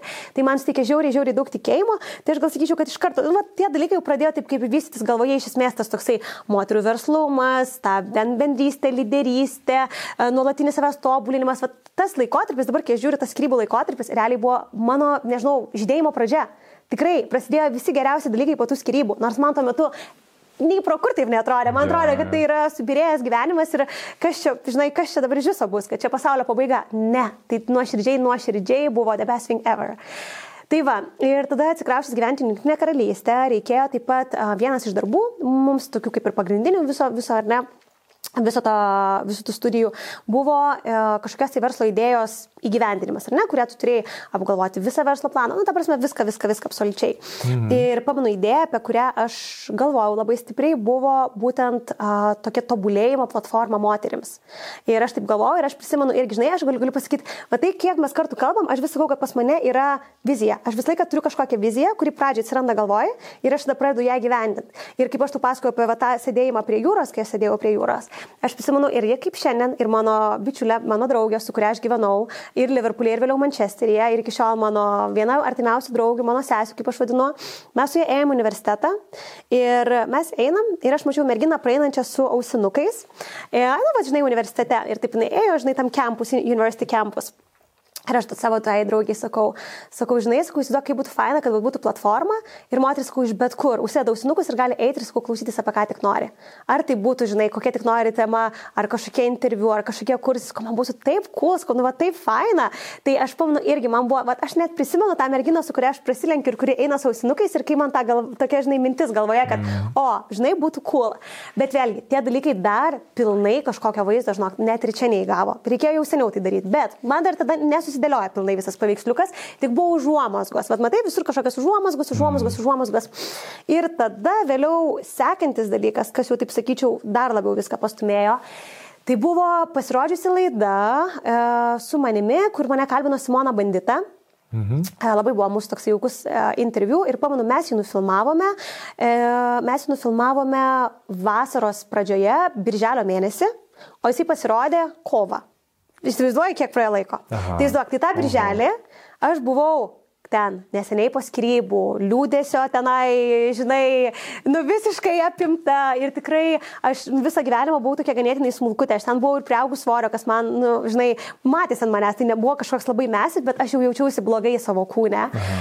Tai, ta prasme, visom prasmėm mano gyvenimas jau buvo labai stipriai pasikeitęs nuo to interviu, nes tas visas healing process realiai ir įvyko nuo to interviu iki, žinai, to kovo mėnesio. Nu ir va, ir ta prasme, aš jau nuoširdžiai galvoju, kad tas interviu aš buvau, aš turbūt ten taip blogai pakalbėjau, kad Simona net nutarė nieką to interviu neleisti. O pasirodo, jinai čia viską taip padėlioja, kad tame interviu aš daug kalbėjau apie vestuves ir jinai galvoja, kad prieš naują vestuvių sezoną bus labai gerai. Nu tai ką, mama man rašo, sako Davilė, man atrodo, kad tave rodys per laidą. Aš tokiu, okei, okay, gerai, rodys per laidą. Na ir ką, ir žodžiu, parodė tą laidą ir aš nežinau, žinok, kas įvyko tada, nes tai tiesiog buvo, aš nežinau, toks jausmas, kad ta laida Tuo metu gal labai buvo blogas oras ir labai daug žmonių žiūrėjo, bet tą laidą atrodo, kad pasižiūrėjo tiek daug žmonių, nes aš gavau tiek daug žinučių, kad aš prisimenu kaip šiandien, mes, vat, tą mano bičiulę, kurią vis čia vis miniu, uh, su kuria aš ir Liverpool'e gyvenau, ir Manchester'e, ir kuri vėliau man uh, vat, su vestuvėm padėjo, kai mes kartu gyvenom visų organizacinių darbų. Mes, pamenu, baigęs tą laidą, mes ją pasižiūrėjom, uh, abi jungtiniai karalystėje buvom ir aš matau, kai man Facebook'e tiesiog eina, ta prasme, ne dešimtim, o šimtais užklausosi draugus ir eina begalė žinučių, begalė. Aš to niekada nebuvau patyrusi ir tai buvo keista, nes to niekada vėliau ir nebuvo. Tiesiog tai buvo kažkoks, nu, vad, žinai, sprogimas, kai kažkoks vyksta. Ir um, tas interviu kažkodėl, nu, toks, nežinau, buvo lemtingas, kaip sakau, mano gyvenime ir atėjo dviejų tipų žinutės. Dviejų tipų, absoliučiai. Tai buvo vienas iš tipų, kad man labai patiko, aš mačiau vestuvės Tenerifei, aš man labai norėčiau ten, ta, ta, ta, kaip galima susituokti ir buvo klausimai užklausos apie vestuvės. Kitos žinutės buvo apie tai, kaip smagu jis pradėjo savo verslą, aš irgi labai noriu apie verslą, kažką sužinoti, iš ko jūs mokytės, tada tą, kaip jūs pradėjot, kaip jums pavyko, tada, visi šitie dalykai. Okay. Žinutės apie verslą, žinutės apie vestuves, mes sėdėm tą draugę ir mes nuoširdžiai sakom, ką dabar daryti su visom tom moterim, ką dabar daryti. Ir jų tikrai daug, aš nehiperbolizuoju, tai buvo tikrai ažiotažas, buvo žiauriai daug, nes arsi, ir vestuvės užsienyje, Tenerifei buvo kažkokia naujiena. Ir čia, žinai, va čia tas moterų verslumas dar irgi nebuvo toks, kaip dabar to yra daug daugiau. Žinai, va, viskas taip susidėjo, kad arsi, ten buvo kažkoks sprogimas. Ir žodžiu, mes tą sakom, gerai, turim planą huliganą ir e, mūsų buvo toksai planas, kad mes vieną, vienom merginom atrašinėjom, siunčiam siunčiam nuorodą į mūsų website, kad pildytų užklausas apie vestuves, Aha. o kitas merginas labai daug klausimų apie verslą. Ir aš galvoju, ką man dabar daryti su visais tais klausimais. Ir aš galvoju, reikia sukurti Facebook grupę ir visas tas moteris sudėti tenai. Ir vietoj to, kad individualiai atrašinėti kiekvienai, aš, aš tiesiog atrašinėsiu grupiai okay, į visus tos klausimus, žinai. Ir galvoju, nu, žiniai jūsų idėja. Nu tai ką, galvoju, reikia sukurti kažkokią tai čia pavadinimą. Ir pavadinimas, kuris atėjo man į galvą, buvo She's Glowing. Kodėl? Nes aš pagalvoju apie moterį, ne, visos jas klausinėja apie verslą, apie savęs realizaciją ir aš galvoju, moteris, kai jinai laiminga, kai daro, kas jai patinka, tai ką jinai spindi. Ir man buvo toksai, nu, she's glowing, žinai, vat visiškai toksai buvo dalykas. Ir aš pamenu, su, gal net nežinau, gal Canva gal jau buvo, su kažkokia primityvia platforma ten sukūriau tokį koveriuką, she's glowing, pavadinau Your Daily Source of Inspiration and, Learning, kažkas Aha. Tokio. Uždėjau tą koveriuką ir masiškai visom moterim mielai atsakysiu visus verslo klausimus, prisijungite iš tą grupę, prisijungite iš tą grupę, prisijungite iš tą grupę. Tai nors mes sėdėm visą draugę, nuo širdžiai nehiperbolizuoju, mes turbūt visą dieną atrašinėjom žinutės, turiu, turiu, turiu, ką žinai daryti. Buvo amazing, mes tavrasme abi dabar prisimintumėm tą dieną, buvo, nu, tavrasme tikrai labai labai, uh, nu, tokia faina patirtis.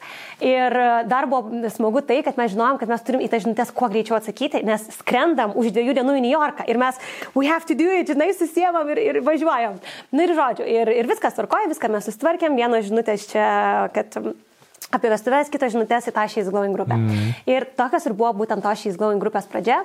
Ir aš pamačiau, kad iš tikrųjų yra labai daug moterų, kurios kaip ir aš trokšta po, žinai, pokalbių apie verslumą, apie motivaciją, apie saviugdą, apie visus šitus dalykus ir iš tikrųjų ta grupė pradėjo labai greitai, labai organiškai aukti. Ja. Nes tai tiesiog buvo, aha, čia įdomu, čia pakvietė, ta, ta, ta. Tai buvo, aš realiai nedariau kažkokių ypatingų pastangų, o tai buvo tiesiog moteris, kurios, pažiūrėk, kaip faina, čia, tarsi, viskas pradėjo organiškai aukti, aišku, aš dėjau pastangas į bendruomenės vystimą, kad tai ir būtų pokalbiai, kažkas kažko paklausė, aš skubu atrašinėti, kažkas, žinai, narės prisijungė, reikės pasveikinti nu, aš tai žiūrėjau tokia kaip savo mini bendruomenę, tokį mini savo miestelį, žinai, vat, kur, kur visa tai yra. Ir tikrai žiūrėjau atsakingai, kad reikia, nu, kad vyktų tenai pokalbiai, kad vyktų ar ne kažkokios diskusijos. Tai tikrai, tikrai tam laiko skyriau, bet pats augimas vyko ganėtinai, žinai, organiškai. Tai va. Ir tada mes išvykom, kaip ir sakiau, žinai, į, į, uh, jo, į New Yorką. Ir, kaip aš sakau, ta laida buvo tikrai mano gyvenime tokia ypatinga ir dar ir kita prasme, kad tada, kai buvo tiek daug tų užklausų apie vestuves, tai irgi jau, jau verslumo gislelė atsiradus, tai aš irgi galvoju, reikia žmonės sudėti į vieną vietą. Tai man kilo mintis padaryti konferencijas apie vestuves užsienyje Lietuvoje, nemokamas, tačiau aš buvau ten ateis mano tiksliniai klientai ir aš vietoj to, kad individualiai susitikčiau su serijos šimtų žmonių, aš pasidarau konferenciją ir aš papasakoju viską, ką reikia žinoti, kaip įsirinkti, tada, žinai, visokius tokius mhm. dalykus. Ir, ir aš galvoju, gerai, aš dabar ką darau, man dabar yra pavasario atostogos, ką aš darau, aš skrendu į New Yorką, iš New Yorko tiesiai į Lietuvą, net neplanavau skristi į Lietuvą, bet galvoju tiesiai iš New Yorko į Lietuvą ir tenai pasidarau savo seminarus. Tai va taip visiškai netikėtai, vėlgi, va būtent nuo to atsirado idėja daryti tuos seminarus ir man teko, nu kaip teko, susiplanuoti kelionę į Lietuvą, ar ne? Ir kodėl aš tai pasakoju, kodėl tai iš viso yra svarbu, kad aš čia į tą Lietuvą atskridau. Mhm. Todėl, kad aš atskridau į Lietuvą ir jau tikrai visom prasmėm aš jau buvau vėl ta labi, daug labiau glowing. Ne, ne, nebe ta vegetuojanti daržovė, žinai, aš jau irgi jau pas mane čia viskas vyksta, jau įdomu, jau, ta prasme, nu, nu ta prasme, aš jau buvau vėl atsigavusi ir, žinai, tokia tikrai, nu, vat, pozityviai ir, žinai, energinga. Ir aš pamenu, nusileidžiu Lietuvoje ir aš gaunu žinutę nuo tokio vaikino, kuris labai jau stropiai man per Instagramą 10 mėnesių rašė rašė, rašė, rašė, rašė, atsakymą tai gaudavo, tai negaudavo, visai ten būdavo, tiesą sakant, aš tiesiog ne, nesakinėjau jam ne todėl, kad man nesinorėjo, o todėl, kad aš tiesiog, ne, ne tie dalykai man buvo galvoj. Aš dar vis buvau savo healing process ir man iš viso tie santykiai, tai atrodė skausmas ir vargas ir kam iš viso įtiveltis. Bet uh, vaikinas buvo labai mielas, labai toksai motivuotas, labai pozityvus visą laiką. Ir mane sudomino iš tikrųjų tai, kad jisai labai gražiai kalbėjo apie Lietuvą ir atsiliepė apie Lietuvą, nors buvo ne lietuvis, vokietis, gyvena gyvenantis Lietuvoje. Mhm. Ir e, aš nusileidžiu ir gaunu nuo jo eilinį kartą žinutę, mes aišku, surašinėjom ir niori, nu mes palaikėm ryšį, bet tiesiog, žinai, nu, va, nu, tiesiog, va, laiks nuo laiko surašom mėnesį, vėl nesusirašom, nieko rimto, tiesiog va, Instagramo bičiuliai, taip būtų ja. galima pasakyti. Nu ir va, ir aš nusileidžiu ir gaunu jo žinutę, uh, gal aš ten kažką, nežinau, ar įstaginau Lietuvoje ir sako, o, tu žinai, tu Lietuvoje, einam savaitgalį vakarienės. Aš tokia, nu, einam, einam vakarienę savaitgalį. Ir tai aišku yra mano būsimas vyras. tas žmogus, apie kurį aš čia kalbu, tai buvo mano būsimas vyras. Ir tai būtent todėl aš sakau, kad tas susitikimas buvo lemtingas, nes gal aš tada, jeigu būčiau negrįžusi į Lietuvą dėl tų iš tikrųjų vestuvių konferencijų, gal būtų, nežinau, gal aš būčiau sutikusi kažką kitą. Anglijai, gal jisai būtų kažką sutikęs kitą Lietuvoje. Bet viskas taip susiklostė, kad, kad mes susitikom ir, ir vasarą pas mūsų vestuvės. o E, su kuo beje sveikinu. Ačiū. ačiū. Tenerife? Mm.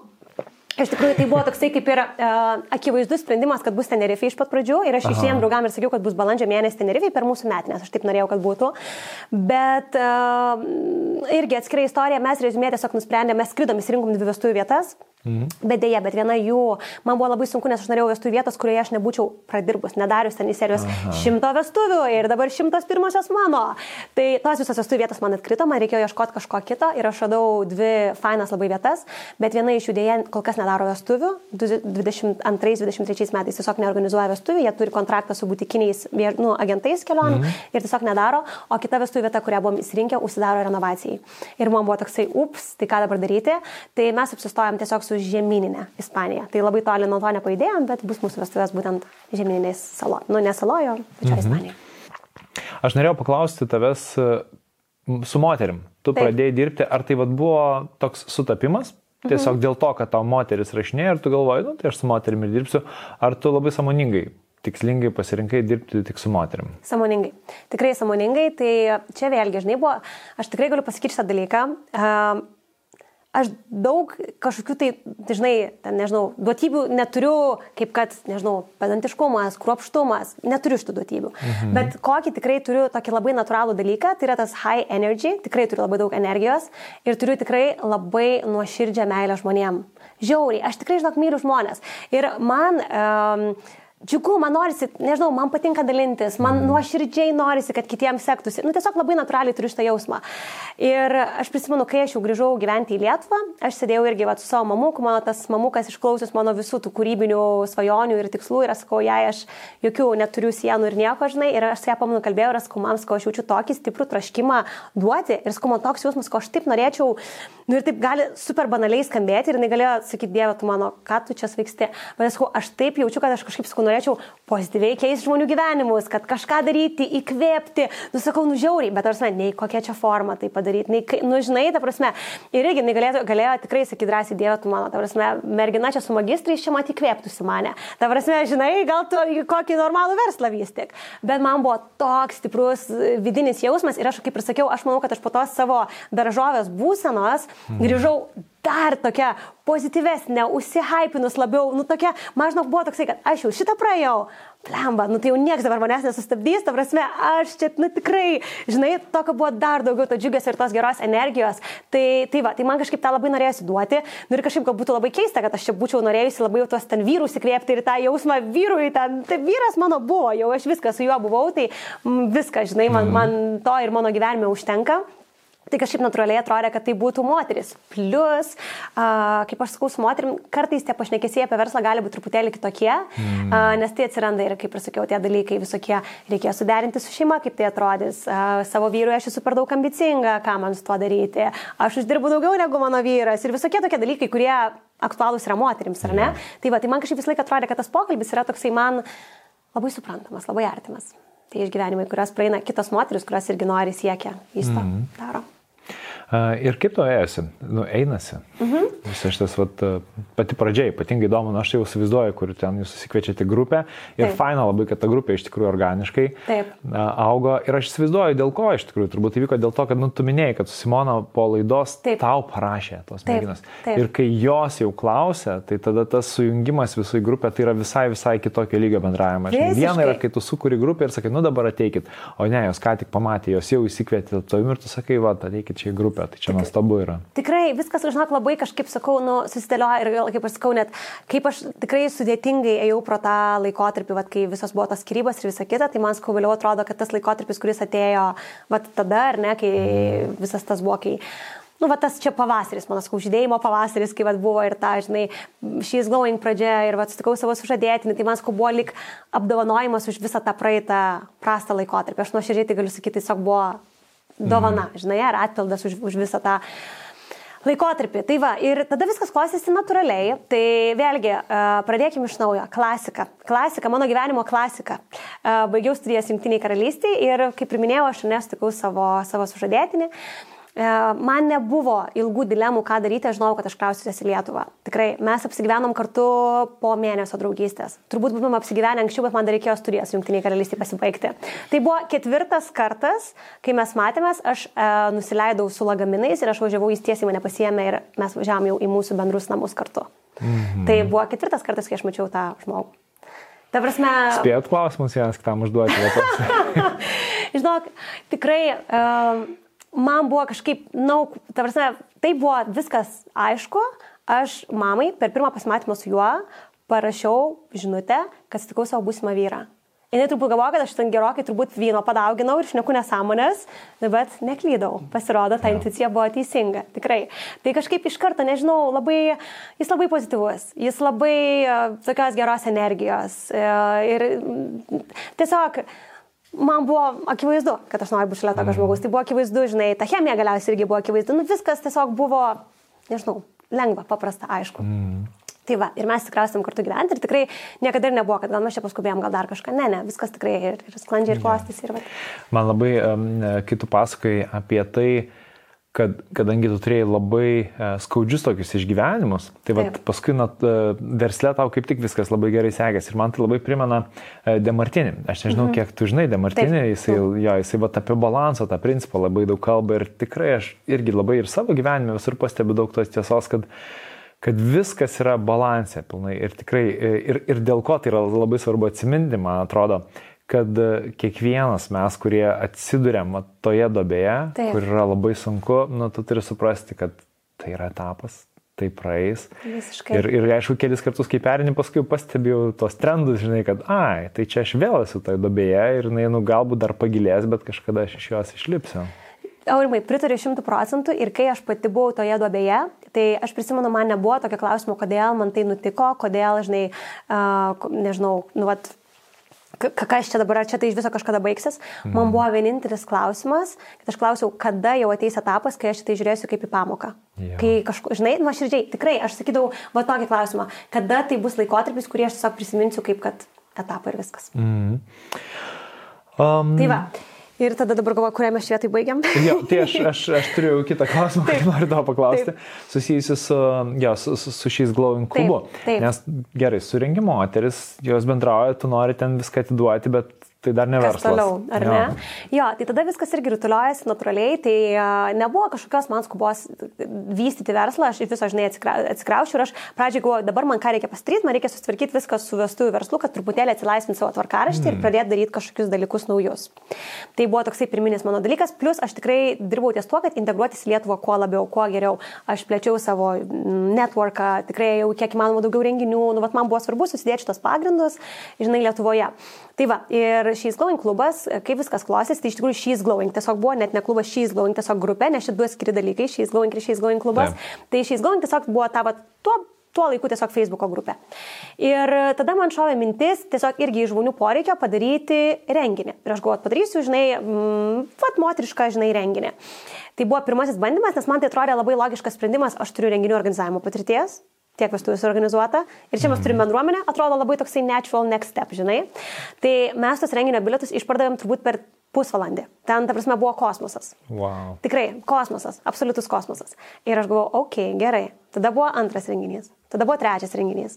Na nu, ir žodžiu, tada jau tie renginiai tokie tapo kaip ir moteriška tradicija ir jie tikrai buvo labai faini. Aš manau, kad, žinai, aš juos tokius stengiuosi padaryti kuo labiau ir instagramiškus, ir tokius mielus, visokie, nežinau, personalizuoti pagal mūsų, um, pagal mūsų brandingą padarytą meniu, visokie knygelės, kurios moteris pasiema, kažkoks tai dekoras, visą laiką apgalvoju apie dovanėlės. Na, prasme, tikrai tai buvo tokie, nu, cute, žinai, Daug cute. Jo, jo, jo, tokia vis, labai taip viską, žinai, apgalvota, kad būtų faina, kad būtų faina patirtis ir visa kita.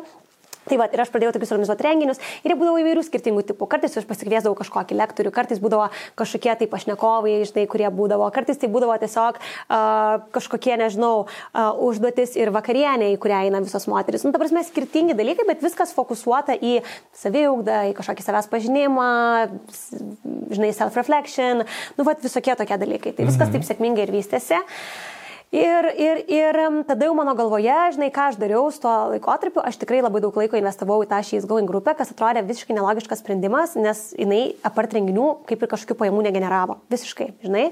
Uh, bet aš skirdavau daug laiko tenai, bendraudavau, tada, ta, visų, nu, visokie tokie dalykai. Tikrai labai daug skirdavau laiko ir labai skaitydavau ir bandydavau suprasti, kas moterim iš viso įdomu, kas jom patinka, kokius klausimus, žinai, jos kelia. Tai iš tuos dalykus aš matydavau ir uh, Vėliau, kai viskas pradėjo rutuliotis toliau, tai iš tikrųjų kažkaip aš dalyvavau vienoje konferencijoje, kurioje em, po tos konferencijos prie moteris ir sako, žinot, sako, man labai patiko tai, ką jūs kalbėjot, gal jūs vedat individualias konsultacijas. Aha. Ir aš sakau, nevedu, bet sakau, galbūt aš galėčiau jums padėti, kas, nu, kas yra. Ir jinai kaip tik norėjo vestuvių verslo. Ir aš galvoju, easy peasy, tikrai. Ta prasme, tikrai galvoju, jinai yra ten, kur aš buvau, tada Tenerifei, kai sakiau, net nežinau, kurią pusę žiūrėti ir ką čia googlintis. Tai galvoju, aš dabar tikrai galėsiu lengvai sudėlioti visą tą veiksmų planą. Ir e, jinai buvo mano pirmoji klientė, kurie atėjo į konsultaciją ir po to viskas irgi pradėjo rutuliotis labai natūraliai, kad kažkaip aš niekada nebuvau įsidėjusi pranešimo, kad aš teikiu individualias konsultacijas. Tai buvo tiesiog klientė, kuri, jeigu neklystų, paliko tiesiog Facebook'e, tiesiog Instagram'e pasidalino, kad buvau konsultacijai pas Davilę, labai patiko, ta, ta, ta, ta, ta. Aš tiesiog nu, persidalinau. Tada iš to parašė dar penkias moterys, jūs konsultuojate. Tada, tai, tai viskas tai pradėjo, žinai, rutuliotis iš tikrųjų su tom konsultacijom. Tai niekada irgi kažkoks nebuvo konkretus, vat, nu, vat, verslo planas, kad aš tikrai, tikrai tai pradėsiu daryti. Bet jeigu aš matydavau, kad moteris turi lūkesčius ir aš pradžiai darydavau visą laiką neskambučius, aš susiskambinau, nes aš galvoju, čia yra labai atsakingas dalykas, aš turiu pasižiūrėti, ar aš viso tą moterim, ar aš galėsiu jai padėti. Mm. Žinai, tai man buvo labai labai tai svarbu, tai aš visą laiką siūlydavau, susiskambinkim nemokamai, jeigu tinka, jeigu matau, kad galim padėti, tada galim daryti konsultaciją. Tai kažkaip pradėjo visai, žinai, važiuoti šitas dalykas su, su konsultacijom, tačiau kas nutinka su konsultacijom, aš irgi labai gerai pradėjau matyti, kad jeigu tu konsultuoji, tai yra, ta prasme, aš tą moterį turiu nukreipti dar po to, bet dar pasižiūrėkit šitos kursus, bet dar padarykit tą, bet jums taip pat yra labai svarbu tas ir tas. Ir aš suprantu, kad tai yra viena dalis, ką aš duodu, bet toli gražu ne viskas, ką aš norėčiau yeah. jai duoti ir ką aš norėčiau jai suteikti. Ir tada mano galvoje pradėjo suktis mintis, kad kažkaip, aš galvoju, reikia sudėti viską į vieną platformą, kur būtų viskas po vienu stogu. Vat galvoju, ką aš tada sėdėdama tenai Tenerifei, googlindamasi, rankiojau skirtingus gabaliukus, jeigu aš sudėčiau viską į vieną vietą. E, tai She's Going Facebook'o grupė buvo jau ganėtinai didelė ir aš ten leisdavau tikrai labai daug laiko kiekvieną dieną. E, tai man buvo labai paprastas darbas, tiesiog vieną dieną prisėsti ir labai konkrečiai susirašyti, ko moteris iš viso klausia. Ir aš mačiau, ko jos, ko jos klausia. Jos klausia, kada bus sekantis renginiai, mes jau labai laukiame.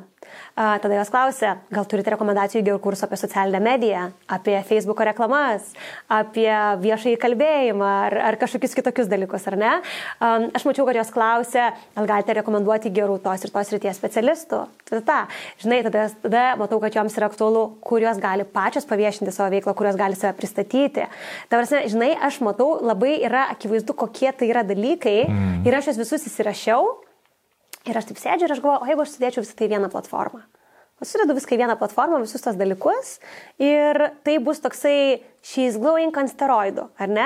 Ir aš dar pamenu galvojau, kaip pavadinti ir galvojau, gal tai gali būti kažkoks inner circle, bet tada galvojau, nenoriu, kad kitos moteris jautųsi kažkaip outside, nes galvojau, nesinori kažkaip jų atskirti. Ir pirminis pavadinimas buvo she's glowing dreams club. Tai va toksai kaip ir, mhm. nu, va, dreams, ar ne, tu turi big dreams, tai this is the yeah. place for you. Tai va, tai toksai iš tikrųjų, vėliau gavosi man tiesiog labai per ilgas ir tas dreams pasimetė. okay. Nes jau buvo labai ilgas ir tada žmonės vieni tai Dreams Club, tai She's Glowing Club ir buvo tiesiog labai labai komplikuota, kaip ir ką čia daryti. Bet jo, viskas prasidėjo irgi visiškai nuo to, kad uh, mano vienas vaikas, kaip pasakau, išleidau į mokyklą, tai savo vestuvių verslą, jis jau buvo saugiose rankose ir man jau reikėjo jam skirti daug mažiau laiko. Ir, bet aš tai dariau sąmoningai. Aš dariau sąmoningai, žinau, kad aš nenoriu vien juo apsiriboti, kad aš noriu dar kito verslo ir aš tada samdžiausi žmogų iš karto, kuris man galėtų steigti pagalbą, kas tuo metu nebuvo maksimaliai logiškas sprendimas, nes tu vos net tam žmogui ten daugiau gali sumokėti negu, nu, žinai, ypač jeigu mėnesiai, ne visi mėnesiai, o žmogų tu imi visam laikui. Su vestuvėm yra desningumas, kartais daugiau vestuvių, kartais mažiau. Bet man tai atrodė vertinga investicija, nes aš galvoju, aš turėsiu daugiau laiko ir aš galėsiu kažką tai įdomaus sukurti. Tai va, ir tada nuo to va, būtent irgi sąrašo, kaip galima tai gyveninti, aš vėl buvau kaip ta pradinukė Tenerifei, kur nežinau net nuo ko googlinti, tai prasidėjo viskas lygiai taip pat. Ir aš buvau gerai, tai kaip galėtų atrodyti ta platforma, kur iš viso ją sukurti, tai ką ją įtraukti, tai, tai kaip čia tie mokėjimai, ar čia kiekvieną mėnesį reikia pervinti, ar čia automatiškai gali būti. Tarsi vėl milijonas klausimų, milijonas klausimų absoliučiai. Ir aš pradėjau tada vystyti visą, visą tą dalyką. Uh, iš tikrųjų buvo labai toksai smagus dalykas, aš susiradau savo pagalbininkę. Uh, kuri padėjo man su šituoju projektu. Irgi mačiau tame porį, na, taip reikalą investuoti į tai, ar ne? Mm. Nu, nors ir nedidelė suma, bet bent jau galvoju, bent kelias valandas per savaitę jinai man galės padėti su tam tikrais dalykais. Jinai tuo metu gyvena Australijoje. Tai buvo labai faina, todėl kad kai aš atsikeldavau, jinai būdavo padarius tam tikrus darbus, tada aš einu yeah. dirbti. Ir, žodžiu, mes taip pradėjom viską, viską dėlioti, rutuliuoti, bet, žodžiu, man tapo jau tokia kaip ir aiški vizija, kad, žodžiu, tai bus uh, klubas moteriams, ar ne? Ir aš galvoju, aš apjungsiu visus tos dalykus, kad moteris, ar ne, esančios klube galės dalyvauti renginiuose, ar ne, kad jos jos galės gauti prieigą prie įsamios, įsamios galerijos, kad nereikėtų atskirai ieškoti, rankytis. Viskas, kas tu įvyksta, čia visą laiką turėsi informaciją. Live sesijos galvoju, jas galima puikiai išnaudoti tam, kad uh, jeigu kažkas įvyksta karštų ir aktualus, pavyzdžiui, bet vakar vedžiau sesiją apie tai, kokios bus Instagramo 23 metų tendencijos. Aš noriu, kad uh, moteris, būdamos klube, visą laiką turėtų prieigą prie pačios įdomiausios, aktualiausios informacijos, visko, kas vyksta, kad tau nereikėtų galvoti, kur ieškoti, tu nueini tenai ir šimtų procentų tai bus, uh, žinai, atrasta, su fainu lektorium, įdomiai pateikta. Ta prasme, nu tikrai, bet viskas buvo labai kažkaip man taip aiškiai visą tą viziją, bet aš galiu pasakyti, kad tai buvo tai baisu, kas man atrodo, kad vestuvių verslą paleisti man buvo juokas, man net nebuvo baisu, man buvo toksai įmu ir darau. Čia man buvo tai baisu, nes aš gau iš viso, ar žmonės supras, kas čia yra. Man buvo pagrindinis klausimas, ar jie supras ar jie supras, kas tai iš viso per konceptas. Lietuvoje tikrai tokio koncepto absoliučiai nebuvo. Nebuvo nieko panašaus, nebuvo nieko į galima, į ką būtų galima palyginti. Okay. Ir aš gau, ar jie iš viso supras. Uh, kas yra kažkoks mėnesinis mokestis, kas yra narystė, mes žinom sporto klubo narystė, kas per narystę priklausyti kažkokiam klubui, žinai, kažkokiai platformai. Ir e, man tai buvo labai labai labai iš tikrųjų baisus dalykas. Aš prisimenu, aš tiek stresavau, aš net valgyti negalėjau streso prieš paleidimą. Tikrai aš žiauriai stresavau, žiauriai. Uh, ir plus man buvo kažkoks dalykas, gal net ir prieš save, kad aš galvoju, aš jau turiu vieną sėkmingą verslą, aš negaliu dabar savęs nuvilti ir sukurti nesėkmingo verslo, žinai. Šitas dalykas irgi tikrai prisidėjo. Taip. Plus trečias dalykas, nuoširdžiai pasakysiu, pasakysiu pagrindinis, e, dėl ko aš taip stresavau, nes tikrai man patinka vystyti mano vestuvių verslą, bet aš tą sakau labai nuoširdžiai ir tikėdamasi, kad mano vestuvių verslas, kaip paskui vienas iš mano vaikų neįsidžiais, bet šis glowing yra mano meilė. Daug didesnė. Ir todėl, kad aš ten galiu realizuoti viską. Kaip aš sakau, aš norėjau, būdama vaikas, turėti savo žurnalą. Dabar sakau, čia yra mano internetinis žurnalas, ar kaip būtų galima pavadinti portalas, tik kitų, kitų formatų pateiktas mm. moterim apie verslą. Ir tai susijungia visi man gyvenime įdomiausi dalykai. Aš ten galiu realizuoti norą duoti, atrasti, padėti, kažkaip pozityviai keisti gyvenimus, vis, visus šitus dalykus, bet ne tai, kad inspirational, pasikabinkim bordą, tu gali. Yeah. Ne, o realiai duodant įrankius, ar ne, atrandant profesionalus, kurie gali tai padaryti. Aš žinau, kad visą laiką vienas iš dalykų, kuris man labai gerai sekasi, man sekasi atrasti gerus žmonės. Man sekasi atrasti, nu, tai aš galvoju, aha, man tada lengva yra atrasti kažkokius lektorius, partnerius. Nu, vat kažkaip man atrasti žmonės, mano dalykas yra tikrai. Tai vat aš galvoju, kad aš čia galiu panaudoti visas savo tokias meilės, duotybės, visus tos įrankius ir man buvo taip baisu, kad tik man vienai atrodys, kad čia yra žiauriai gera idėja, o kitiem netrodys. Ir aš galvoju, man tai bus ne tik, kad vat, nesėkmingas verslas, man tai bus realiai mano svajonės sudužimas. Kad tai nepasteisino ir kad čia yra feilas. Mm. Tai tas dalykas man buvo žiauriai baisus žiauriai. Tikrai, ne, nelygintinai su bet kokia kita pati. Ja. Tai buvo tikrai baisiausias dalykas man ever. Visiškai. Labai įdomu. Aš jau norėčiau netrukus perėti į antrą mūsų mhm. -huh. laidos dalį, bet turiu paskutinį klausimą. -huh. uh, tai apie susijusius su to, ką tu pasakėjai. Taip. Su ta baime. Ką tu darėjai? Nes ta baimė yra tokia atpažįstama. Tai yra labai daug kas iš tikrųjų vat, mūsų auditorijos Taip. ir tavo auditorijos gyvena. Ta baimė ir nepadaro to žingsnio. Kodėl tu padarėjai? Kitas variantas, žinai, vat, ir su savo atima bičiulė, jinai labai tikrai sėkminga verslininkė. Ir, ir mes diskutuojame ir aš panašiai sakiau, aš sakau, žinok, aš taip bijau, man sakau net bloga, sakau, kaip, kaip aš bijau. Man tą, tą dieną, kai reikėjo paleisti, nu, tragedija. Tai aš nuoširdžiai buvau numetų svorio, nes aš negalėjau valgyti ja, iš streso ir ganėtinai ilgą laiką. Tai nes čia mano streso dalykas ir aš nevalgau, kai aš stresuoju. Tai ir jinai man sako, o sako, kokias tu turi alternatyvas?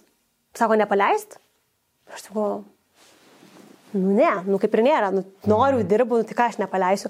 Tai sako, tai kokias turite alternatyvas? Nu sakau, nu, tai paleist. Sako, nu tai sako, tai ką mes čia kalbam? Aš sakau, logiška, logiška. Jo, arba žinai, sako, nu, vat, tiesiog sako, logiškai pavokti, kokios turi alternatyvas. Vėliau galvot, kad nepaleidau, nes bijojau. Ar, žinai, sako, nu, tai, ar sako, tiesiog tai bijoti, kad nepavyks, kad net nepadaryti ir iš karto jau garantuoti, kad, nu, nepaistas mm. dalykas, ar ne? Tai tiesiog kažkaip gal tas požiūris, kad, ar ne, kokias aš turiu kitas alternatyvas ir ar tos alternatyvos mane tenkina. Jeigu tos alternatyvos mane tenkina, tai labai puiku, tada aš galiu, reiškia, ir toliau bijoti. Jeigu tos alternatyvos manęs netenkina, tai nebėra kito pasirinkimo. Tai tada su drebančiom kinkom, savaitę nevalgius, nes taip stresuoji, tu spaudi tą mygtuką live, Instagram'e įkeli postą apie tai, ką padarėjai ir tiesiog meldiesi, kad kažkam bus įdomu. O jeigu nebus, nu tai tada jau galvosi, ką daryti, kad būtų. Jo, gal tas alternatyvų turėjimas kartais ir blogai yra, nes nu, daugybė žmonių yra, kurie turi alternatyvą, nu, tai nieko nedaryti, tiesiog, tiesiog tęstis tavo tam esamam darbę. Bet ar jie laimingi tenai? Tai vad, matai, irgi tada klausimas. Nesakau, alternatyvą turėti dar yra vienas dalykas. Aš irgi nebuvo, kad man, e, nežinau, trūko duono šeimą išmaitinti, jau buvo vienas verslas, ar ne? Tai alternatyva nieko nedaryti vienareikšmiškai buvo. Tikrai vienareikšmiškai mm. buvo. Bet ar jinai mane tenkino? turėti šitą svajonę, bet jos neįgyvendinti. Ne, netenkino. Ir va čia buvo tas atsakymas, kad, e, nu ne, tai va tas klausimas savęs paklaus, kokia yra kita alternatyva, yra ta kita alternatyva mane tenkina, aš manau, kad jis yra labai geras savęs paklausti. Tikrai. Okay. Ir bus jisai tada nuoširdžiu. Tai aš, aš savo nuoširdžiai atsakiau, kad netenkina, spaudžiam, važiuojam ir darom. Super. Tai spaudžiam ir važiuojam, o mes spaudžiam tada uh, į kitą laidos dalį. Ir ačiū labai tau kol kas, tai tiem, kas tik tai čia ir sustoja, o mes perinam į Blitzkvieniai. Specialiai pin bendruomeniai Contribui 25 minučių trukmės Blitzkvieniai su Davilė Urbanaitė. Pasižiūrėkime trumpą šio pokalbio ištrauką. Turi kažkokį ryto ritualą? Neturiu ir labai gaila. Aš manau, kad tie žmonės yra teisūs, bet aš neturiu. Jo, bet žinai, aš tave žiūriu ir galvoju, kad tau jo ir nereikia ryto ritualo. Dėl ko? Truputėlį paminėjai Instagram, užduosiu klausimą, kurio šiaip niekam neužduodu, bet tau užduosiu dėl Gerai. to, kad tu kaip tik vakar kalbėjai apie trendus. Gal gali pasidalinti, kokie yra 23 metų trendai? Sako, įsivaizduokit, kokia yra įtaka, jeigu jūs gyventumėte vat, mėnesį name, kur devyni žmonės, kiti be jūsų, kiekvieną rytą atsikelia, pasportuoja, tada sėdi 8 valandas čyrai, dirba prie savo verslo, ir tarsi, ar tu vienas ten sėdėtum ir slankėtum iš kampo į kampą, nu nei pro kur. Kai kurie žmonės investuoja, jeigu ne visą savo gyvenimą, tai bent jau metus, du, pavyzdžiui, kažkokį topiką researchinti, ne, mm. domėtis jo. Ir mes čia perskaitom knygą ir per kelias valandas gaunam visą tą knowledge, kurį tas žmogus surinko. Tai man čia yra wow. Man labai faina, žinai, šitą vietą, kad tu savo nemeluoji. Mm. Ir kitas dalykas, tai labai parodo įvairovę. Nes tikrai yra žmonių, kurie, mat, lygiai taip pat kaip tau, taip. neteikia, yra žmonių, kurie be to negali, kaip aš. Ir iš tos serijos. Wow, man atrodo, wow, kaip tai gali iš tikrųjų nu, patikti žmonėms. Bet tai suprantu, jie taip sako, tai reiškia, taip yra. Taip, taip. Ja. Ar tu esi savo klube jau paliudijusi tokių transformacijų, kur mhm. moteris, kuri nu, jaučia, tarkim, kad jinai visiškai nėra versli, bet tiesiog kažkas užsidega ir jinai pradeda daryti ir įgyja tos įgūdžius. Kviečiu prisijungti prie PIN vidinio rato adresu contribui.com, pasviras brūkšnelis PIN ir klausyti šio pokalbio tesnio. Ten taip pat gali kiekvieną mėnesį gauti po vieną audioteką šortą ar net po pilną audio knygą, klausytis seminarų PIN temomis, platformoje rasi visų ankstesnių laidų Blitzkvieniai įrašus bei svečių knygų rekomendacijas. Jeigu laida patiko, būsiu dėkingas, jeigu uždėsi liuksą, o komentaruose pasidalink savo įspūdžiais. Kas tau patiko šioje laidoje? Aš visus komentarus labai atidžiai perskaitau ir tikrai tikrai labai vertinu bet kokį grįžtamą į ryšį. Iki kito karto.